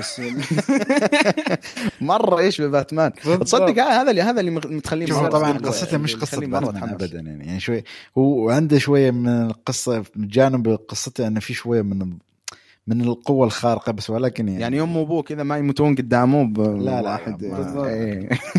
خاله وعمته يموتون لا بس لا يعني في شيء له علاقة بالفراعنة ويعني يعني ما في أحد يموت قدام. لا لا لا. بس لا إن أنا قلت ليش قلت لك باتمان أبيض؟ أحس لأنه تقريبا نفس القدرات شوية عنده جانب تحقيقي شوية يعني عرفتي عرفت كيف؟ بس نشوف نشوف كيف إنه بيتم تقديمه في عالم مارفل السينمائي اللي ما أعتقد غيروا اسمه ولا استوى عالم مارفل السينمائي المسلسلات. المهم آه بس ما أدري في خبر زيادة يا عبد الله ولا خلاص؟ أتوقع هذه هذه الأخبار الطراطيش. يعني بحكم اي بحكم القحط اللي جالسين نعيشه من من من أي شيء لو دخل بالسينما الفترة هذه. طبعا باستثناء العظيمة نتفلكس يعني ولا عزاء للكارهين. صراحة نتفلكس الفترة هذه جالسة تدلعنا بالأفلام اللي اللي تعطيني إياها بحكم إنه ما في سينما. فهذا هذه أخبارنا. نروح لأول فيلم من أفلامنا اللي هو فيلم Death at a Funeral الفيلم البريطاني اللي نزل 2007 فيلم تصنيفه كوميدي ساعة ونص. ساعة واحد ثلاث دقيقة يلا ولا تزعلون آه تقييمه في IMDb 7.4 من 10 آه Rotten Tomatoes 62% في Metacritic 67% آه، إخراج آه، فرانك أوز وكتابة دين كريغ. زين ومن تمثيل آه، ممثلين مثل بيتر دينكليج طبعا ها قبل Game of Thrones والكلام. وماثيو ماكفاندي وآلان تودك أعتقد. وفرانك أوز نفس الكاتب هو نفس أو المخرج هو نفسه يمثل دور عمهم بالفيلم وكيلي هاوز. okay. الفيلم يتحدث عن يعني عزاء آه، أب لعائلة آه، واجتمعوا على العائلة وفي وهالعائلة تستلم أحداث جدا غريبة ومصادفات غريبة جدا في يوم العزاء اللي, اللي ما أعرف كيف كل الأحداث السيئة اجتمعت في يوم واحد. فهذه قصة وهذا الفيلم ما أدري أحس عبد الله ضحك فأتمنى إن عبد الله يبدأ آه، في الفيلم في إيجابيات. وهل هو من محبين نوع الكوميديا البريطانية ولا أول شيء الفيلم معليش خالد وش كان وش كان السؤال الأول؟ لأني أنا صراحة قاعد كذا قاعد قاعد أمشي في ام دي بي وأتذكر بعض المشاهد.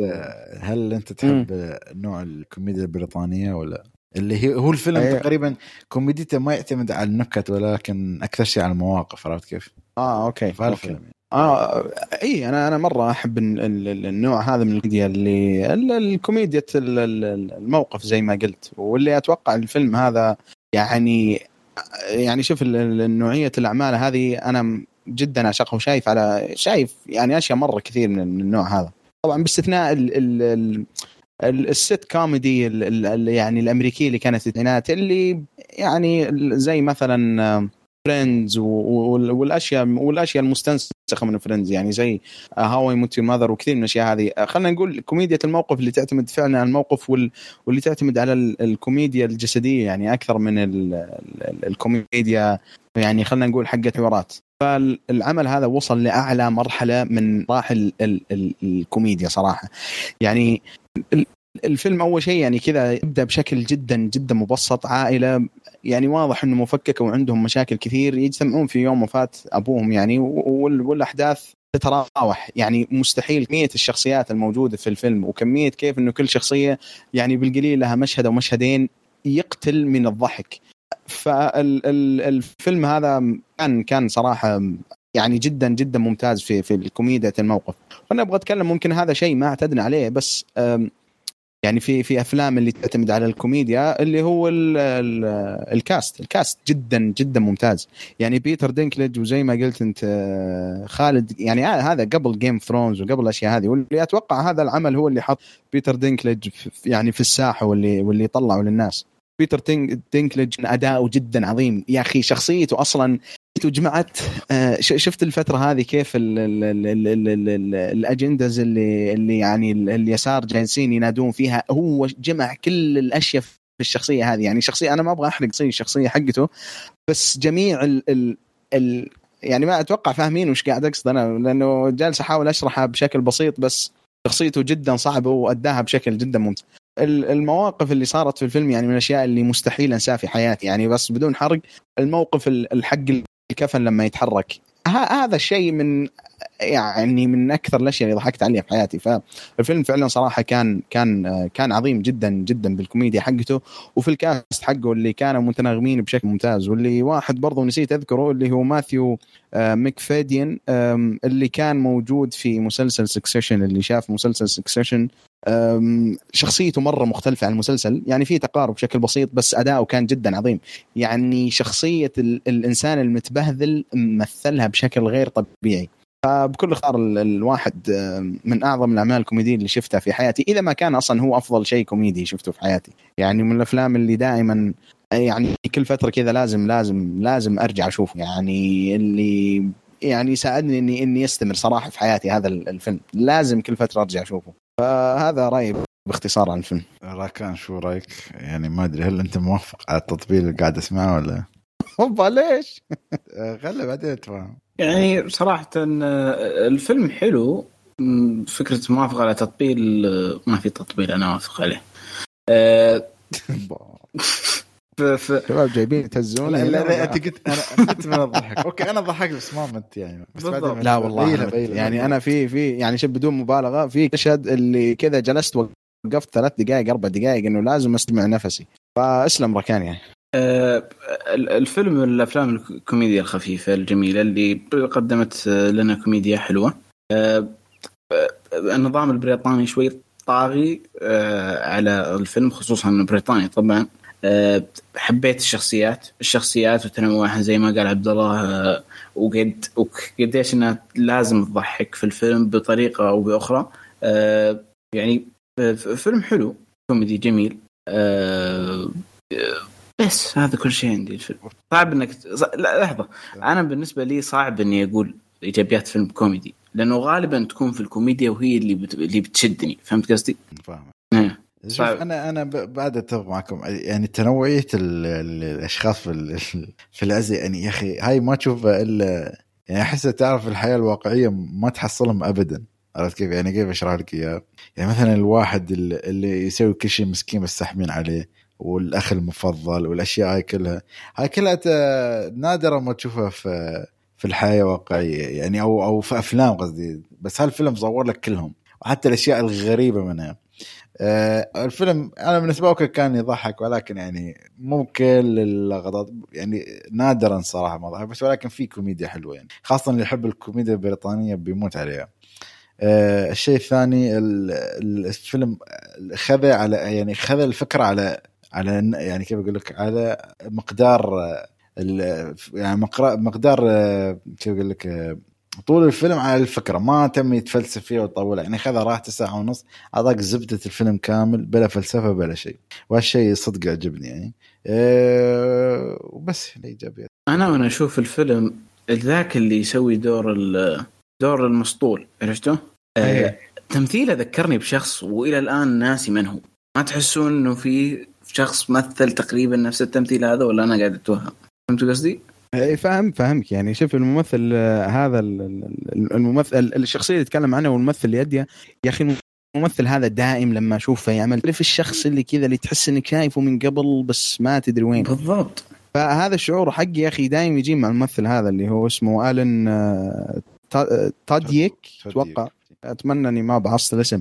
بس آم، من جد يا أخي حتى أتذكر جاء في مسلسل ما أدري فارجو أو مسلسل مسلسل كذا قديم شوية اسمه جاستيفايد كذا دايم تعرف اللي أوقف دقيقتين ثلاثة أتفرج أقول يا أخي أنا وين شايف الشخص هذا؟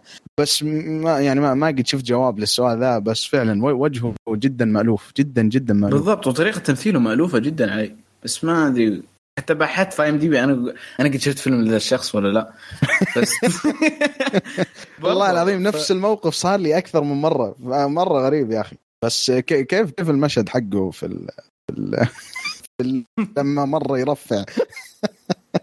كان يا أخي مرة يعني أنا ما أدري شلون الممثل هذا أصلا يعني جته الجره إنه يمثل ال... ما أدري إذا يعني المشاهد اللي يعني مشاهد معينة توقف مو مش اقصد فصراحة أصلا يستاهل يستاهل كريدت زيادة عن البقية كلهم لأنه مرة صعب يعني المشاهد حقته كانت مرة صعبة صراحة.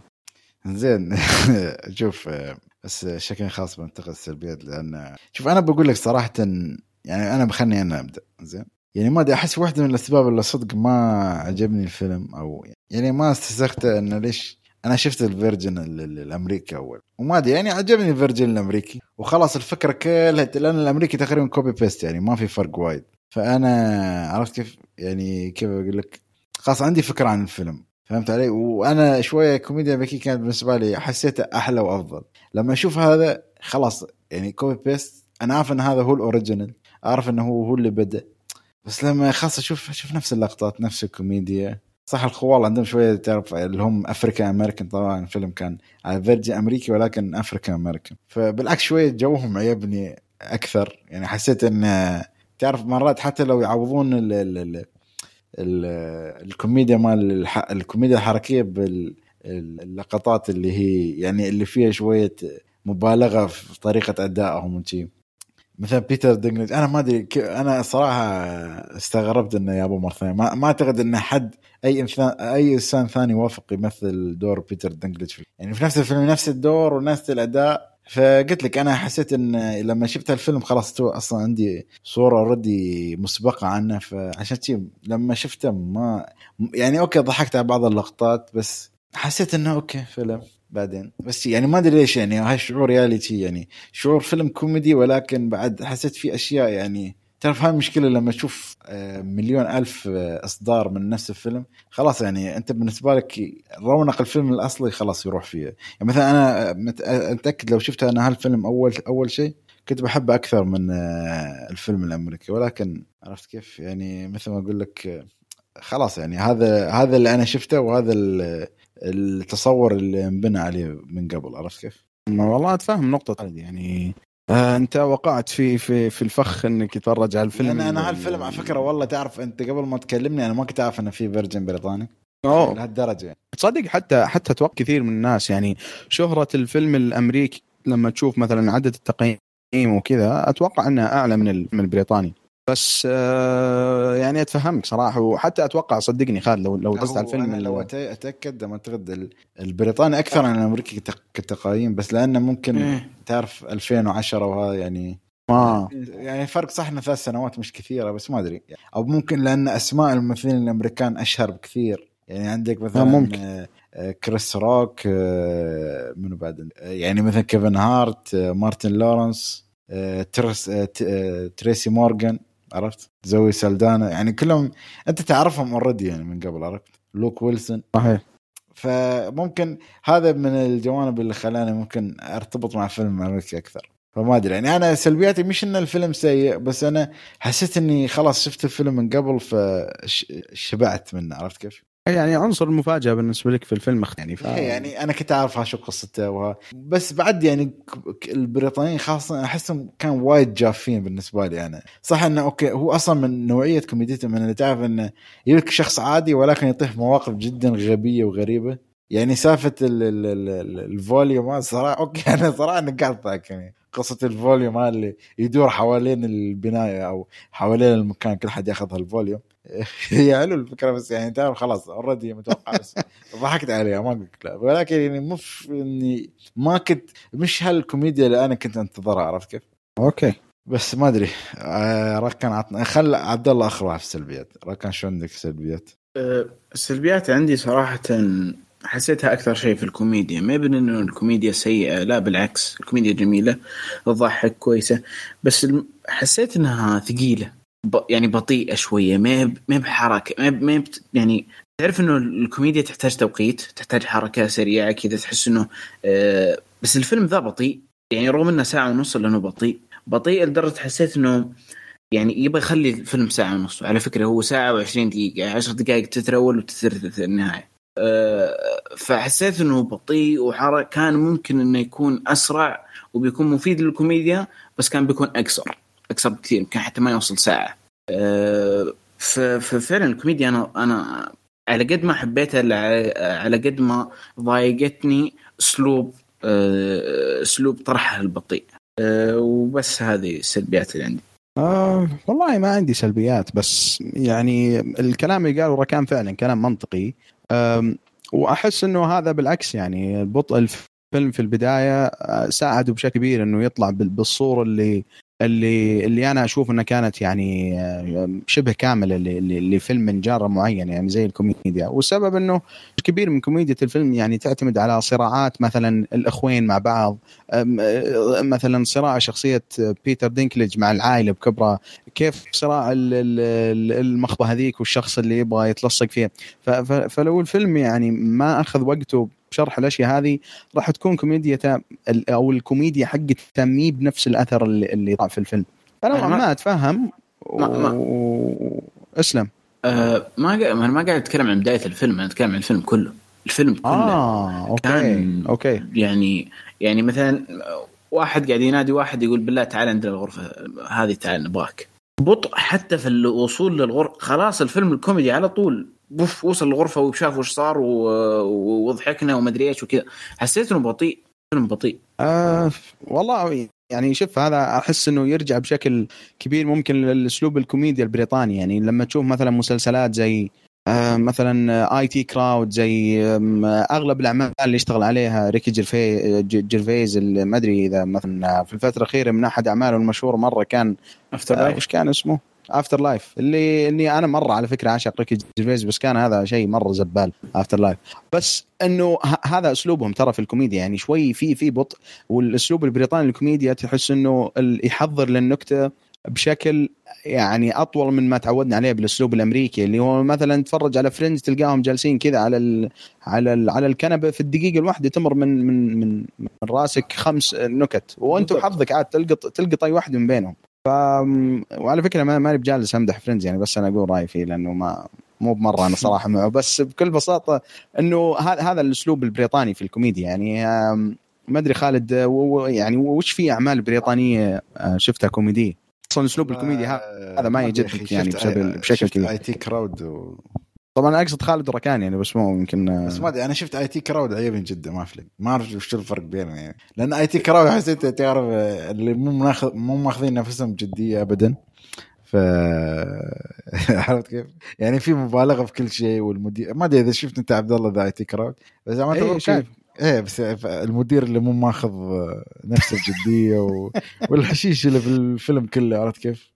IT Crowd شيء يا أخي مره ممتاز وفعلا غريب ترى حتى IT Crowd يعني ممكن في اسلوب كوميديته يعني تقدر تقول انه بريطاني بس باسلوب ال- الطرح حقه يعني مثلا شخصيه المدير زي ما قلت خالد هذه ترى من الاشياء اللي شبه مستحيل تشوفها في اي عمل ثاني يعني شخصيه غريبه أو حتى ما ادري اذا تذكر ولد المدير اثنيناتهم إيه، فكلهم يعني نفس الحشيش اللي فاصلين طيب ركان وش وش الأعمال البريطانية اللي تفرجت عليها واصلا هي هل هل تشدك يعني ولا ما أنت مهتم فيها؟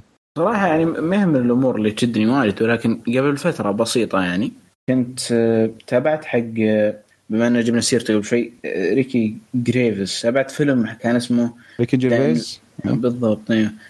كان اسمه The Invention of the of Lying كان يعني عندي نفس السلبيات. لا لا شوف إيه. هذا على فكرة. ريكي جيرفيز هذا أحسن الفيلم.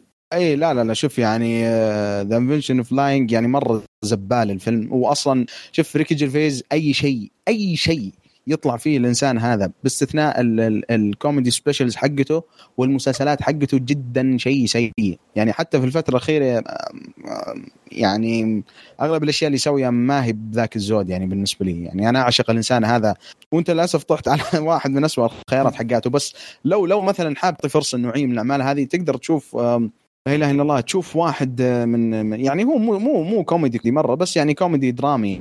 يعني أكثر اسمه ديريك نفس ريكي جيرفيز موجود في نتفلكس في في أسلوب الكوميديا البريطانية كذا اللي اللي يعتبر ثقيل بس ممكن ممكن آه، والله يعجبك ويغير رأيك عن الموضوع هذا. بس آه، فعلا يعني أفلام ريكي جيرفيز ترى مرة زبالة مرة زبالة. بس أتفهم أتفهم حق يعني. تلفزيون مرة إي بالضبط. يعني هو هو هذا هو يعني هو كوميدي في النهايه هو تلفزيون ومسلسلات. يعني ما في كوميدي نتوقع طلع في فيلم ونجح. يعني هو كان اللي شايل الفيلم. يعني شيء شبه مستحيل. مره مرة نشوف الشيء هذا. زين ما أدري يعني نروح لأسئلتنا المعتادة أكثر ولا ولا عندكم شيء تبي تقول عن الفيلم؟ بس يا أخي في حوار يا أخي so- sorry يعني أنا برجع شوية. في حوار درامي ومضمونه كوميدي بس يا أخي وايد وايد جذبني اللي هو كان تقريبا على آخر الفيلم.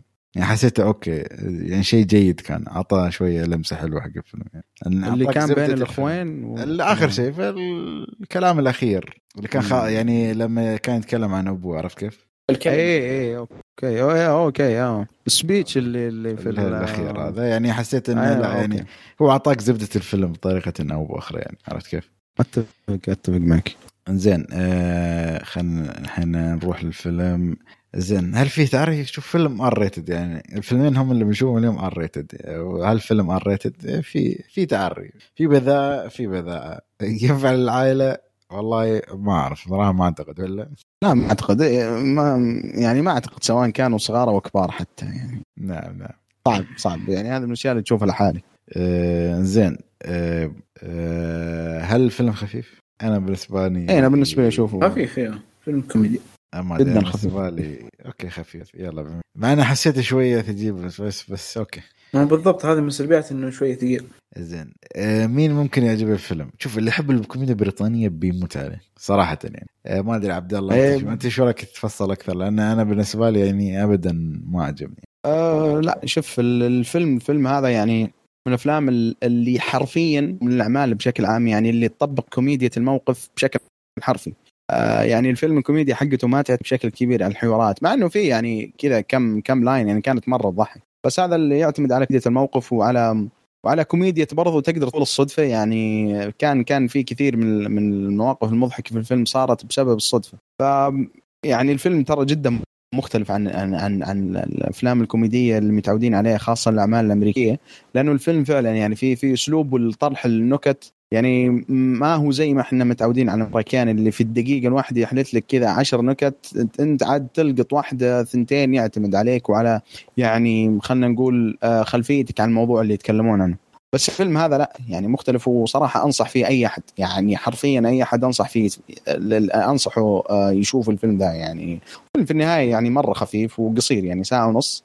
بس يعني مختلف مختلف مختلف. الفيلم هذا أسلوب كوميديته تطبيق حرفي لكوميديا الموقف.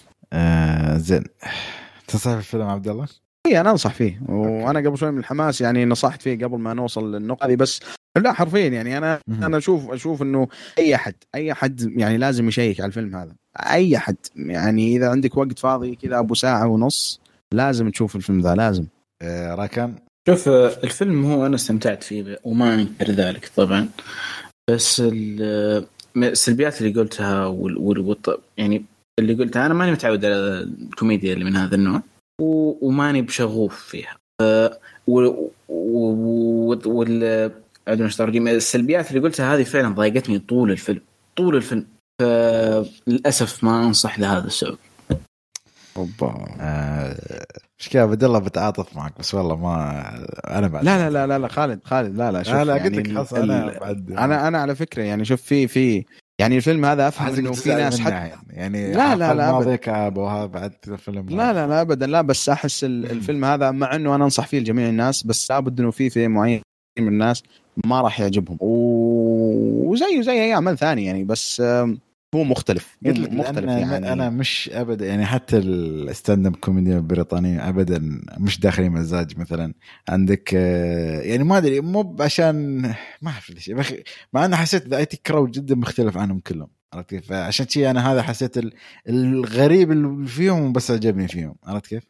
اي حسيت إن هذا اللي يجذب النوع من الكوميديا ال- النكت السريعة ال ال ال ال الأشياء اللي فيها تفاصيل الحشات الشخصيات الغريبة. عشان أنا في الفيلم يعني عجبوني الشخصيات الغريبة ولكن بس في ما حسيت يعني في أشياء يعني ما ك- كفيلم كوميدي ابدا ما ضحكت عرفت كيف؟ يعني آه، مرات عديدة ومرات قليلة جدا يعني. شوف أنا قبل فترة آه، تابعت يعني من ضمن أفلام الكو- الكوميديا البريطانية والمشهورة جدا Johnny English. آه، آه، الفيلم برضو يعني ضايقتني نفس الفكرة إنه يعني ممكن أنا ماني متعود الكوميديا البريطانية ولكن نفس نوع الفيلم نفس النوعيه نفس التصنيف. عندك The Naked Gun يعني فيلمين نفس التصنيف وبالنسبة لي هذا أفضل من هذا بكثير. ذكرت من كذا كان والله. آه، آه حشيش يا أخي مو ب- كل واحد. وذو عبد الله أنت ما شايف Naked Gun ولا؟ والله قاعد أبحث عنه الآن و Netflix موجود. هو في O.J. Simpson ولا؟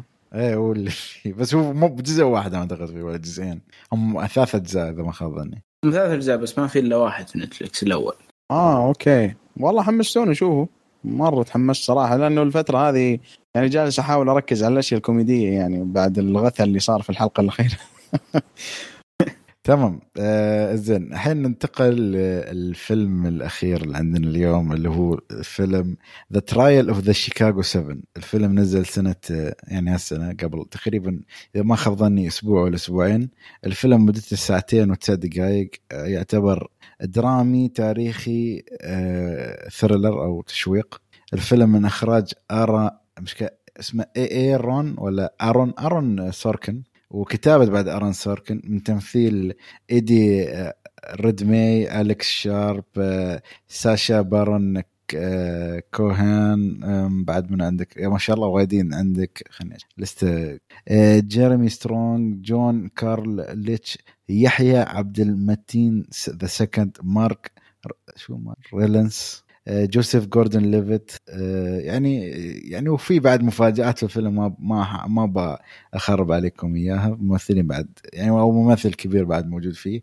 الفيلم تقييمه في IMDb 7.9 و90% في Rotten Tomatoes و 76% في Metacritic قصة الفيلم عن آه، قصة الفيلم عن أحداث اللي استوت في شيكاغو. اللي كان لها علاقة بالحرب الفيتنامية و يعني وعدم يعني كيف معارضة الناس كانت في تقريبا ثورة ولا يعني مظاهرة على أساس أنها هي سلمية في شيكاغو في فترة الحرب الفيتنامية واعتراضهم على الحرب فتم اعتقال يعني سبعة أو ثمان أشخاص لهم علاقة أو يعني يبون يحطون عليهم الشماعة أنهم المتسببين في الحادثة.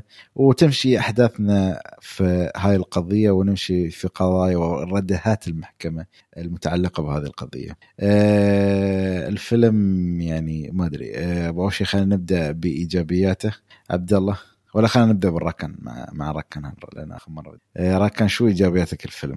بما إن آه، آرون سوركن يعني كاتب في الأساس يعني من بدايته كاتب ومن أهم الأشياء اللي كتبها فيلم من أفضل آه، أفلام التحقيقات من قبل اللي هو افيو جودمان في الفيلم كان يعتمد بما إنه فيلم محاكم كان يعتمد بشكل كبير على الحوار. الحوار وقديش يشد انتباه المشاهد. قديش انت انت تبغى تسمع الكلام اللي يقولونه. انت ما تبغى تعرف الأحداث كثر ما تبغى تسمع الكلام هم وش قاعدين يقولون. فحسسني فعلا إني قاعد معهم وودي أتفرج على الشيء اللي المحاكمة اللي بهذه الطريقة شد انتباهي بطريقة جدا جدا جميلة. وبرضو ارون سوركن قدم الفيلم بشكل جميل من ناحية إخراجية وزي ما قلت من ناحية كتابية فهو متقن جدا أفلام المحاكم. وبرضو تشغيل تمثيل في الفيلم أه سواء كان من أه Eddie Redmayne و Sacha Baron Cohen و Joseph Gordon-Levitt و Mark Rylance يعني كانوا جدا جدا يعني كانوا تمثيلهم متقن والفيلم وفعلا خشوني في الجو حق المحاكمات. اهتميت بالقضية وأنا أصلا ما ما كنت عارف لها أصلا. اهتميت في القضية هذه وحبيت الجو العام اللي موجود وحاطينه في الفيلم. ففيلم كان كان يعني فيلم محاكم من الطراز الأول. فيلم جدا جميل. زي عبد الله. يا أخي الفيلم هذا أنا ما أدري ما يعني ما أدري كيف نتفلكس يطلعون الأشياء الممتازة هذه. يعني كل كذا من يعني من بداية كورونا كذا كل شهر يعطونا عمل فاخر فاخر جدا. والشهر هذا يعني آه، أكرمونا بالفيلم الجميل هذا. وأبغى خلي أتكلم عن الإيجابيات. يا أخي الفيلم هذا من من الأعمال اللي تعتمد على نقول مو ممثل واحد أو شخصية واحدة ولكن على عدد من الشخصيات وبطبيعة الحال حال هذا راح يعني يتأثر بالكاست واختيارات الكاست واختيارات الممثلين. وبالنسبة لي من أكبر الإيجابيات في الفيلم هذا كانت اختيارات الكاست نفسه. يعني أنا ما أبغى أبالغ ولكن آه، ساشا كوهن أنا أفضل إني أسوي أشياء كثير في الحياة على إني أتفرج على فيلم هو يعني موجود فيه. حتى لو ما كان في دور البطولة. يعني وجوده على الكاميرا بالنسبة لي جدا مزعج. وأعماله أنا يعني ما ما أتقبله وما أحبه. يعني بورات بالنسبة لي من أسوأ الأشياء اللي اللي شفتها ومن أسوأ التجارب اللي عشتها. فمن بعد الفيلم هذاك أنا ما ما أطيق خشته وما أطيق شكله. فما ما أبغى أشوفه في أي عمل ثاني.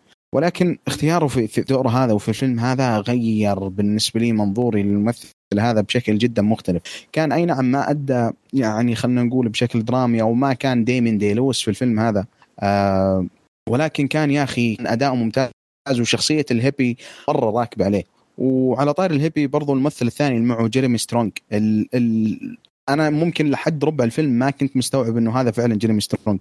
اللي ما يعرف Jeremy Strong هو حاليا يعني مشهور مرة وضارب في Succession ولكن ممثل جدا خارق يعني مثل في في أشياء كثير وبرضه من من يعني من الأدوار اللي مثلها كانت مختلفة بشكل كبير وهو الممثل هذا دائما بادواره شوي يعني مختلفة مثل شخصية يعني عنده عنده إعاقة فكرية في في فيلم The Judge اللي يعرف الفيلم. فكان أداؤه هنا جدا ممتاز. Eddie Redman أو Redmayne يعني كان okay أدى اللي عليه ما ما كان ما كان مرة يعني ما كان متفوق على البقية يعني بحكم إنه المفروض يكون ال ال تكون الأضواء عليه بحكم إنه يعني هو أتوقع ترشح الاوسكار مرتين وفاز فيه مرة واحدة. بس يعني كان كويس كويس الصراحة. الشغله الثاني غير الكاست واختيار الكاست أسلوب طرح الفيلم. يعني أنا في العادة الأفلام اللي تعتمد على المحاكمات ما هي بالأشياء اللي مرة استمتع إني أشوفها لأن يا أخي احس يعني أحسها أشياء مرة تشيزي يعني. تعرف اللي ما يعني ما ما أستمتع صراحة بالأشياء هذه بشكل بشكل كبير. لكن طرح الفيلم هنا وكيف جاب لك المحاكمة كانت بأسلوب مختلف تماما. والفترة ترى اللي اخذت القضية كانت فترة جدا جدا طويلة يعني. فترة تقارب الست شهور أو حتى ممكن أكثر. ولكن كيف الفيلم طرح لك المحاكمة وحتى إنه خلط لك الكوميديا مع المحاكمة. والشيء اللي ما تعودنا ترى نشوفه في أي عمل كان يعتمد على على المحاكمات. يعني انه إنه تجيب مشاهد كوميدية ومشاهد فيها ذكاء مرة كبير في مشهد محاكمة ما هم الأشياء المتعودين عليها. فهذه برضو من من من الأشياء اللي تحتسب للفيلم. شغلة أخيرة طرح الفيلم في في في القضية نفسها. يعني دائما الأفلام اللي تعتمد على على قضايا اجتماعية وقضايا سياسية واقتصاديه يعني صارت في في أمريكا وتكون تعتمد على شكل كبير من الشخصيات أو أو تعتمد يعني على شخصيات مرة كثير. يعني فوق الخمسة ست سبع شخصيات يعني دائما كذا تفصلني وما أقدر أسمعها. آه مثلا اللي يتذكر The Big Short أنا بالنسبة لي الفيلم هذا كانت تجربة يعني مرة سيئة مع إنه في تقارب بشكل بسيط من من الفيلم هذا ولكن كان أسلوب طرحه مختلف. وهذا اللي يميز الفيلم The Trial of the Chicago 7 كان أسلوبه جدا جدا رائع. يعني كيف إنه عندي سبع شخصيات أو أكثر انه اعطى كل واحد منهم التركيز حقه والفترة الزمنية حقته. وكيف إنه تعرف حتى لو كانت يا أخي ما أدري لو تذكرون بس الشخصيتين كان في شخصيتين شخصيتين من ضمن السبع اللي في المحاكمة ما لهم فعلا دور كبير في الفيلم. أو حتى مثلا كانت في شخصية كان جالس يدون أسامي معينة وما كان لها دور كبير في الفيلم بس إنه كيف إنه في في نهاية القصة صار له أثر مرة مرة كبير. فتوزيع الفيلم آه وتوزيع ال ال ال ال ال الأدوار للشخصيات إنه كيف إنه اعطى كل شخصية حقها بالنسبة لي أنا أعتبرها الإيجابية الكبرى جدا جدا في الفيلم. وهذا بكل اختصار يعني وكانت جدا جميلة بالنسبة لي الصراحة. والله يعني أتفق يعني أنا حبيت إن الكاستنج كان جيد جدا يعني وحسيت كلهم ضابطين أدوارهم. اللي اضيفه أعتقد ممكن رواني كيف المعاملة الحقيقية أو كيف أقول لك أو التأثير اللي سوته المحاكمة هاي في المجتمع الأمريكي وكيف العنف يا أخي العنف اللي كان في المحكمة. ما أقول لك في الأحداث الطريقة القذرة اللي كانوا يستخدمونها في المحاكمه وكيف انه يعطيك جانب انه هل هل هل هل القاضي ولا هذا هل هو عادل أو لا؟ يعني حتى من تصرفاته من أفعاله من ردات فعله. يعني أنا القاضي عجبني انه كيف كان ينرفزنا كمشاهدين أو كيف كان يحاول انه يعني يكون في محاباة بطريقة أو أخرى مع إنه ممكن مرات بعضها ما يكون ما تكون مقصودة وبعضها تكون مقصودة. كيف التغير في الشخصيات مثلا الهيبي مرات لما يتحول لجاد تحس انه هل صح صح إنه هيبي وشي ولكن عنده فكر عنده عنده أشياء يبغى يعني عنده أفكار يبغى يطرحها مو فقط يعني إنه واحد بس فقط يبغى يعيش الحياة وخلاص. عرفت كيف؟ يعني حتى في مرة واحد شككه ولا شك في القضية اللي هو جاي عشان يمثلها انه أعطاه رد انه تحس أوكي أنا معاك يعني ليش أنت واقف ضدي في القضية؟ ونحن ماشيين على نفس القضية. ففي أشياء جدا فرق يعني أنا يعني لما عرفت إن المخرج نفسه هو كاتب A Few Good Men حسيت ببعض لمساته في الفيلم.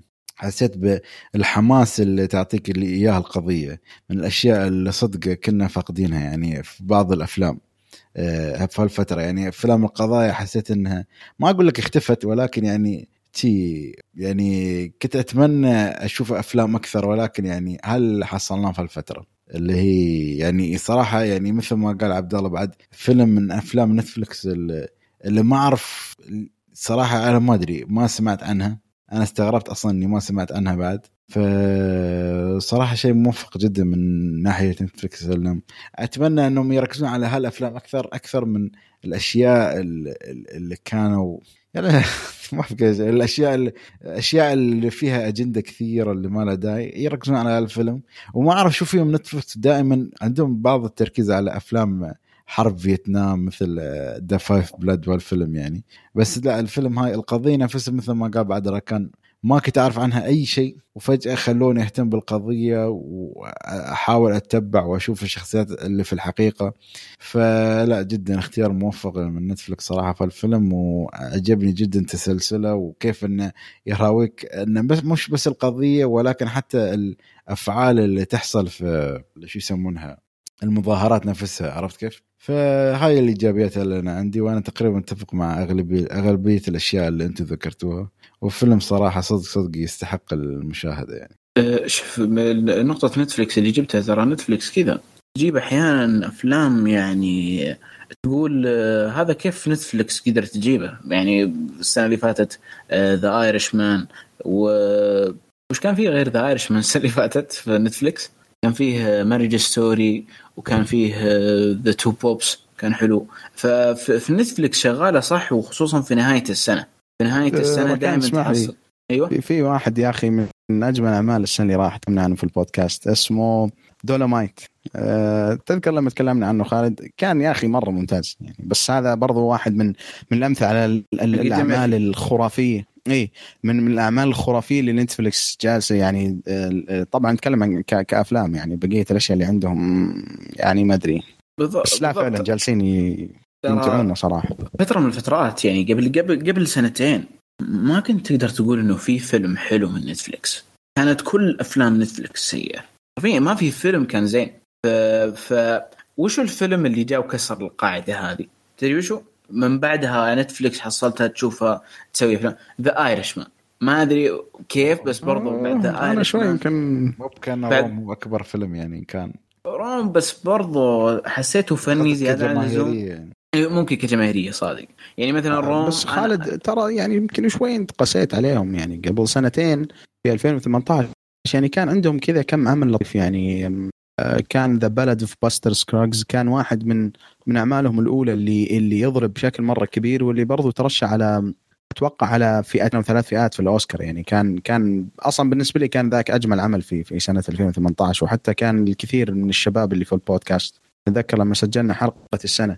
ف يعني يمكن شوي قسيت عليهم اي نعم The Irishman ممتاز بس يمكن شوي أنت الحنين ال- ال- مارتن سكورسيزي ودينيرو يمكن شوي أثر عليك أتوقع. أدري أنا ما قلت إنه أنا ترى لاحظ إني ما قلت إنه The Irishman هو ال... أنا ما قد تكلمت عن The Irishman بس أنا قلت إنه حسيت بعد الفيلم هذا فرق. قبل يعني كانت متخبطين وإلى اليوم ترى متخبطين بس آه، أشوى من قبل أشوى بكثير. آه، في السنة هذه وبرضه ألاحظ إنهم يسوون أفلام زي ما قلت نهاية السنة. قب- يعني قبل نهاية السنة كل افلامهم سيئة. أو يعني باليلا تحصل فيلم حلو. فهذه Netflix. وبرضه سمعت إنه آه، الفيلم أصلا كان ل Paramount Pictures ولكن عشان كورونا اضطروا إنهم يبيعونه ل Netflix. أمم، ها ممكن يفسر واحدة من الأشياء. إيه. آه زين آه ما أدري عبد الله عندك أي إضافة ولا ركان على الإيجابيات؟ آه لا والله ما ما عندي إضافة للإيجابيات. آه، أتوقع كفينا وفينا انتقل يعني للسلبيات. زين. ما أنا ركان شوية تكلم فنعطيه خليه يكمل على السلبيات لو عنده أي سلبيات. ب- بالضبط أنت قلتها لو عنده أي سلبية لأنه صراحة العمل ذا كان جدا جدا جميل وقوي و...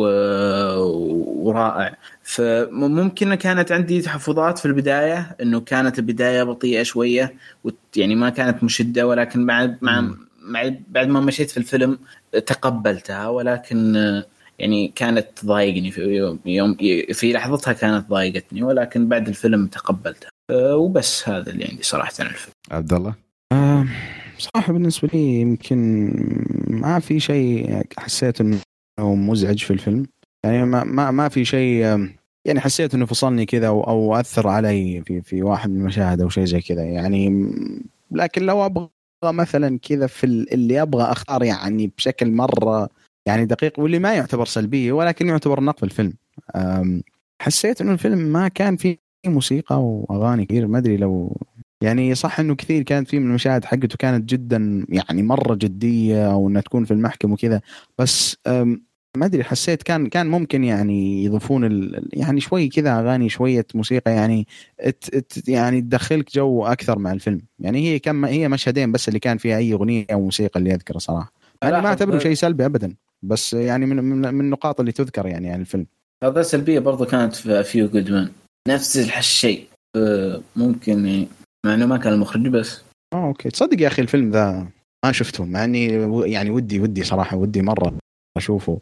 بس كذا دايم يعني أبغى أتفرج؟ عليه A Few Good Men لا لا الصراحة يعني لازم رهيب.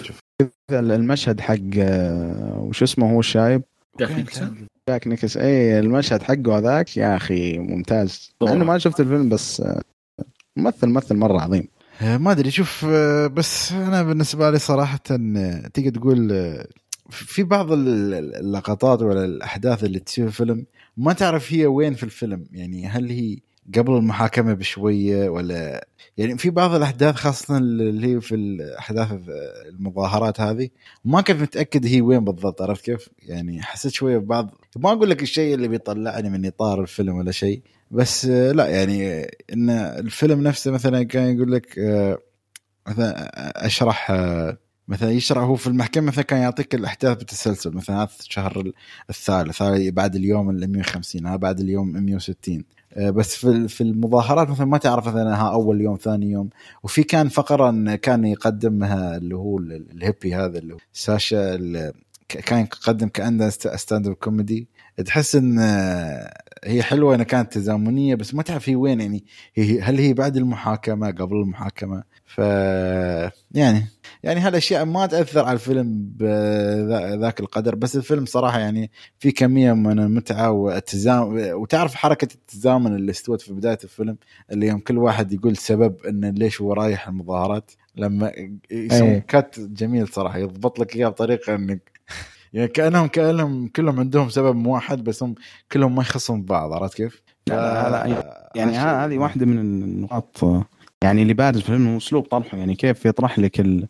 ترى هذه يعني. بس أنا مثل ما أقول سلبيات ما كان في شيء كبير صراحة. أنا است- استمتعت في تسلسل الفيلم باحداثه ب- في كل شيء والقضية نفسها وكيف إن يعني أعطوك القضية وكيف خلوك تنصدم أصلا وكيف الجانب الآخر كان يحاول. يعني صح إنه ما كان في تركيز ابدا على الطرف الآخر من القضية. بس بعد يعني. كان شيء يعني ما كان تركيز نفس بعض القضايا إنه يكون في الطرفين عرفت كيف؟ انه كيف يكون الشد والجذب بس يعني كان تقريبا أكثر التركيز على ال- اللي شو يسمونهم؟ ال- المتهمين يعني. آه، كان عندك أي يعني سلبيات أخرى تبغى تضيفها أو خلاص؟ صراحة من ناحية البيات ما عندي ابدا ممكن تكون إيجابيات بس آه، عندك شيء زيادة بالايجابيات عادي قول. عندي ايجابيات اشياء واجد ما. يعني كثيرة يعني ايجابيات الفيلم هذا أسلوب طرحه زي ما قلت والشخصيات اللي تحط فيك يعني مشاعر غريبة يعني مثلا القاضي مثلا كيف إيش رأيك في القاضي يا خالد؟